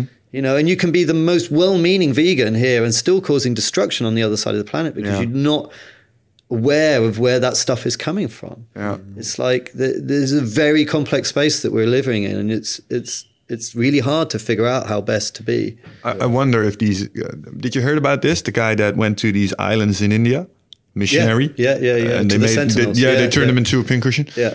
Uh, and uh, But that's uh, I could have told him before he went that that would happen. you know about this tribe? Yeah. yeah. The They're North xeno, xenophobistic, right? North, North Sentinelese. They they. I only read it about it literally ten minutes ago. This, this story, but um, but so I didn't get. I don't know the whole details because I didn't read it all. But I know the North Sentinelese. People have been trying to contact them for many many years. People take literally take pigs and put them like tie them to a stake at the as a peace offering Ah. on the edge of the beach and then go away and then they come back like a week or a day later and the pig's just full of arrows. It's like we don't want it. Yeah. Off you go. They refuse everything. They refuse everything. And and you can imagine that they probably had horrendous past experience and that that's their narrative now. Don't let them in because if you do genocide end and they're probably the wisest people on the planet, frankly. Because they're probably not wrong. Well, because like the sad, yeah, because the sad truth is that nearly every single indigenous group that has been contacted in the last hundred years or five hundred years have gone through absolutely the hardest times, mostly with disease, and then through all sorts of cultural uh, just complexities and loss of identity, and no one's really supporting them. We're not really ready yet to bring them into our world in a way that doesn't really upset them. Yeah. I That's- think. think they're a special case. Though. I think even in French Polynesia last year, another tourist got killed as well. Really? But it's uh, it's delicate, man. Yeah. I can imagine. Yeah. And it's only 50, I think they don't even know how many people are. Maybe f- they estimate between 50, 15 and 50 people, some rumors. sure. That's, that's not a lot. That's Yeah. a family. you Yeah, know? and like you know, and I obviously what I just said there, I'm sort of reeling with it a little bit because I, I haven't, I don't know enough of this story, and obviously it's very tragic that that someone's passed, and I don't know the whole narrative. Um, uh, so you know, obviously compassion in that space too, you know, and At the same time, you have to wonder. He wasn't the first guy to try to go in. No, no, it was the second time he actually uh, visited already. Because the first time he Okay, visited, he got shot, story. and he actually got shot. He got an arrow in his Bible. Now, if you're talking about omens. Oh, he, he thought that was a But, uh, hint. and yeah. then, no, but uh, you know, with all respect, he went back again, um, and uh, I think fishermen just dropped him off on the beach, and uh, yeah, that's kind Well- of where then it- he had his own agenda, and he was something that he wanted to do, and they were clearly pushing him back. you know, I think then like, the family was also uh, uh, very forgiving about the fact that he went there for the second time, um, you know, without uh, permission, and uh, they actually forgave the people who killed the relative. is that me? Sorry, mate. Yeah, that was you. That's okay. Still working. Yeah, we're. We've had worse. Way worse. That's my bulletproof coffee over my MacBook and my phone dropping, people. That's okay. We're cool. This now is- we're officially podcast. That was me. Yeah, I do cool. apologize. Is that the end? no, no, definitely not, man. No. you have to leave right Am now. I going to make, am I gonna make my flight? No, no, you're my favorite guest anyway, so you won't I'm be loving hurt. this, You won't be hurt. Um, a thing I was wondering about since you've seen, uh, I think everybody. we bios- do have to watch the time, bro, because Oh, uh, yeah. we're really on on few minutes, and then everything starts beeping and Okay. going off. So uh, Okay, we got five minutes left on the clock. cool. Five minutes left on the clock. well, So no, go ahead. No, You get one question, I get one question, then we're done. All right, all right, all right. Um, if you look at the tribes in every biosphere that you've been in, you've been to the Arctic, you've been to the Amazon, you've been to Africa. Um, what have you seen in uh, the, the way that they organize themselves depending on the climate that they're in? Is there a, a pattern you can see, like, well, if they're in the jungle, they're most likely to do this. And if they're in the Arctic, um, they're most likely to choose this path. Um, not really, not really. I mean, like clearly things like you know the fur- the further to the extremes you go, you know, you can't grow stuff, so you can't be a vegan in the Arctic. You you got to eat meat. In fact, you're probably only going to eat meat. So those sorts of things. But that's not about societal structure. Um, the, the and and so no, I mean you can exist in both ways. There were hunter nomadic hunter gatherers, the Inuit people living in the Arctic, but there are also farming or let's say um, domesticated people like the reindeer herders. So that's a domestication of of um, of an animal. a sort of so so that's the sort of thing that would come about after the Neolithic Revolution. So that way of being is a much more modern way of being, where they're going in and they're taking the deer and they're transferring, transporting themselves around with a deer. So actually, both ways of being are possible Yeah. in that environment.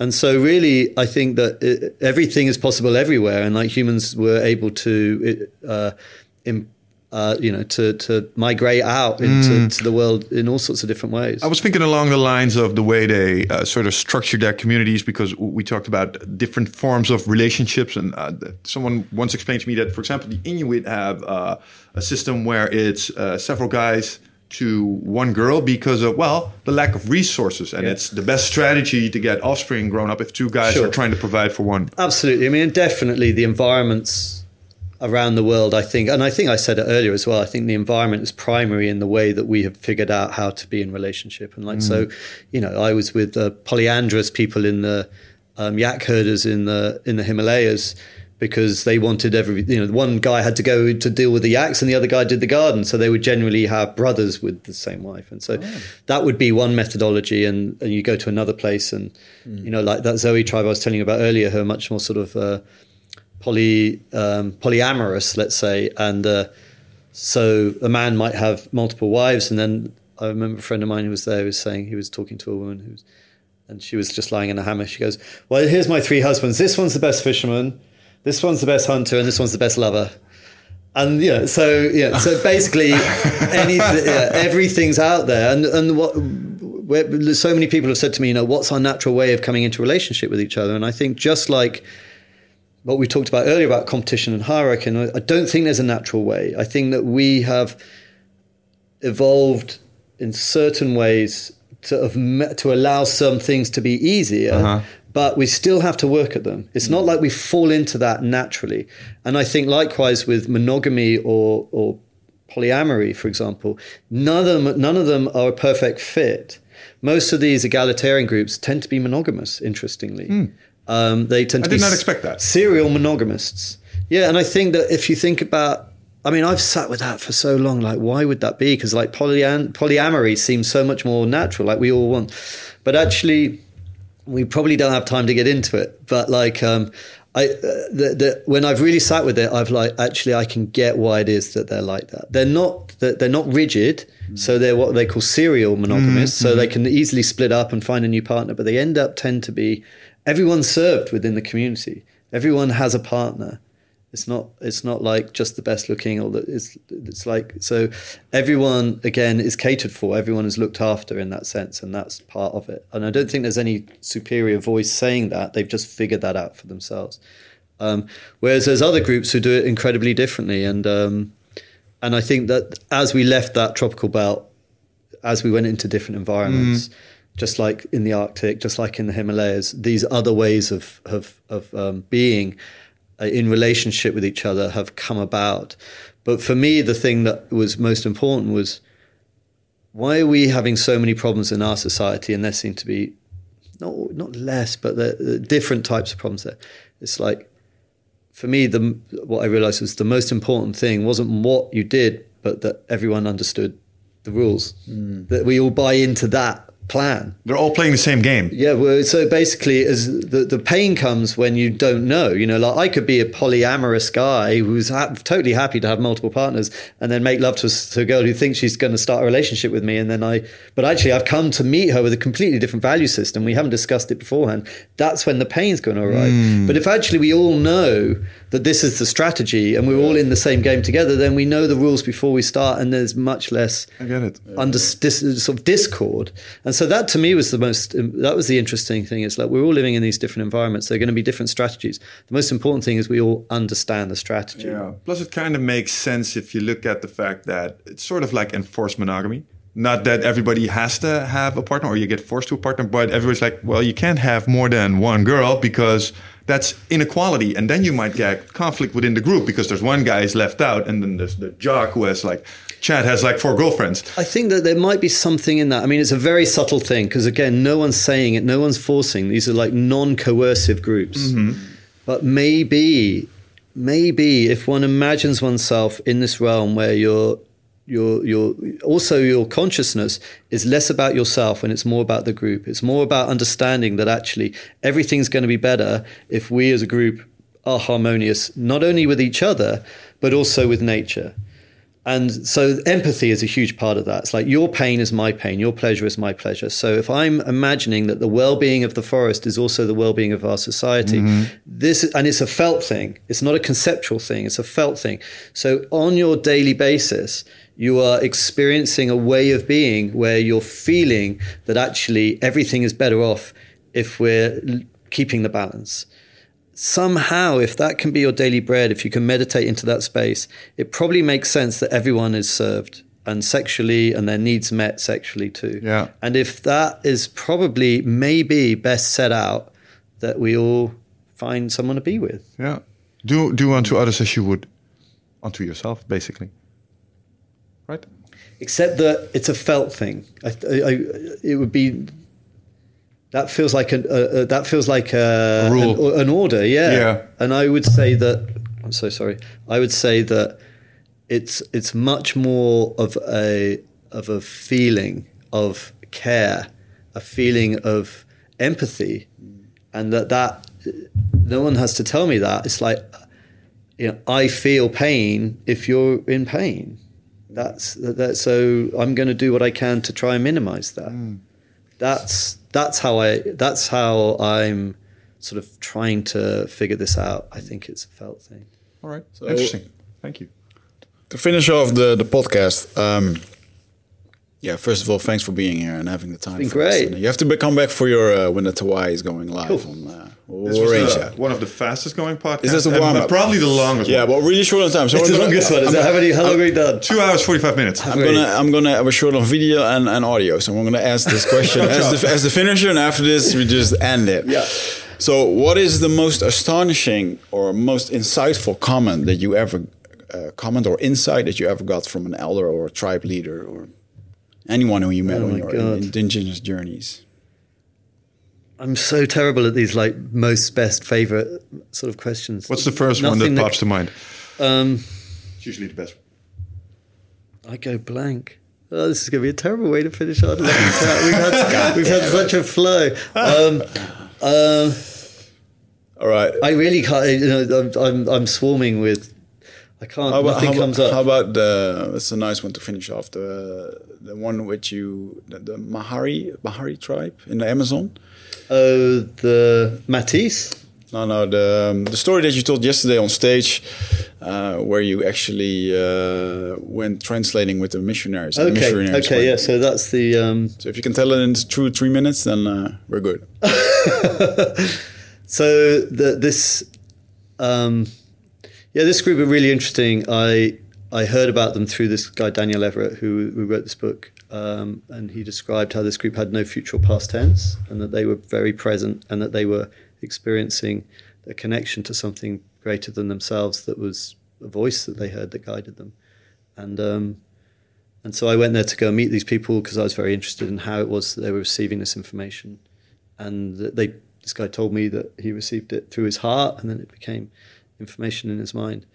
And I found that really interesting. But the journey of translating that was very, very difficult because there's only a few people who speak the language, and Daniel was very busy, and um, and he offered to help, but it was like it took a long time for so much so that actually I, I couldn't use him. So I went to meet his his wife, who's still out there, and then she was translating these things, and like you know, of course, um, this is a very sensitive thing for missionaries to be telling us about because I'm asking about spirit and like it, so that became an incredibly long and complex journey of trying to get the translations.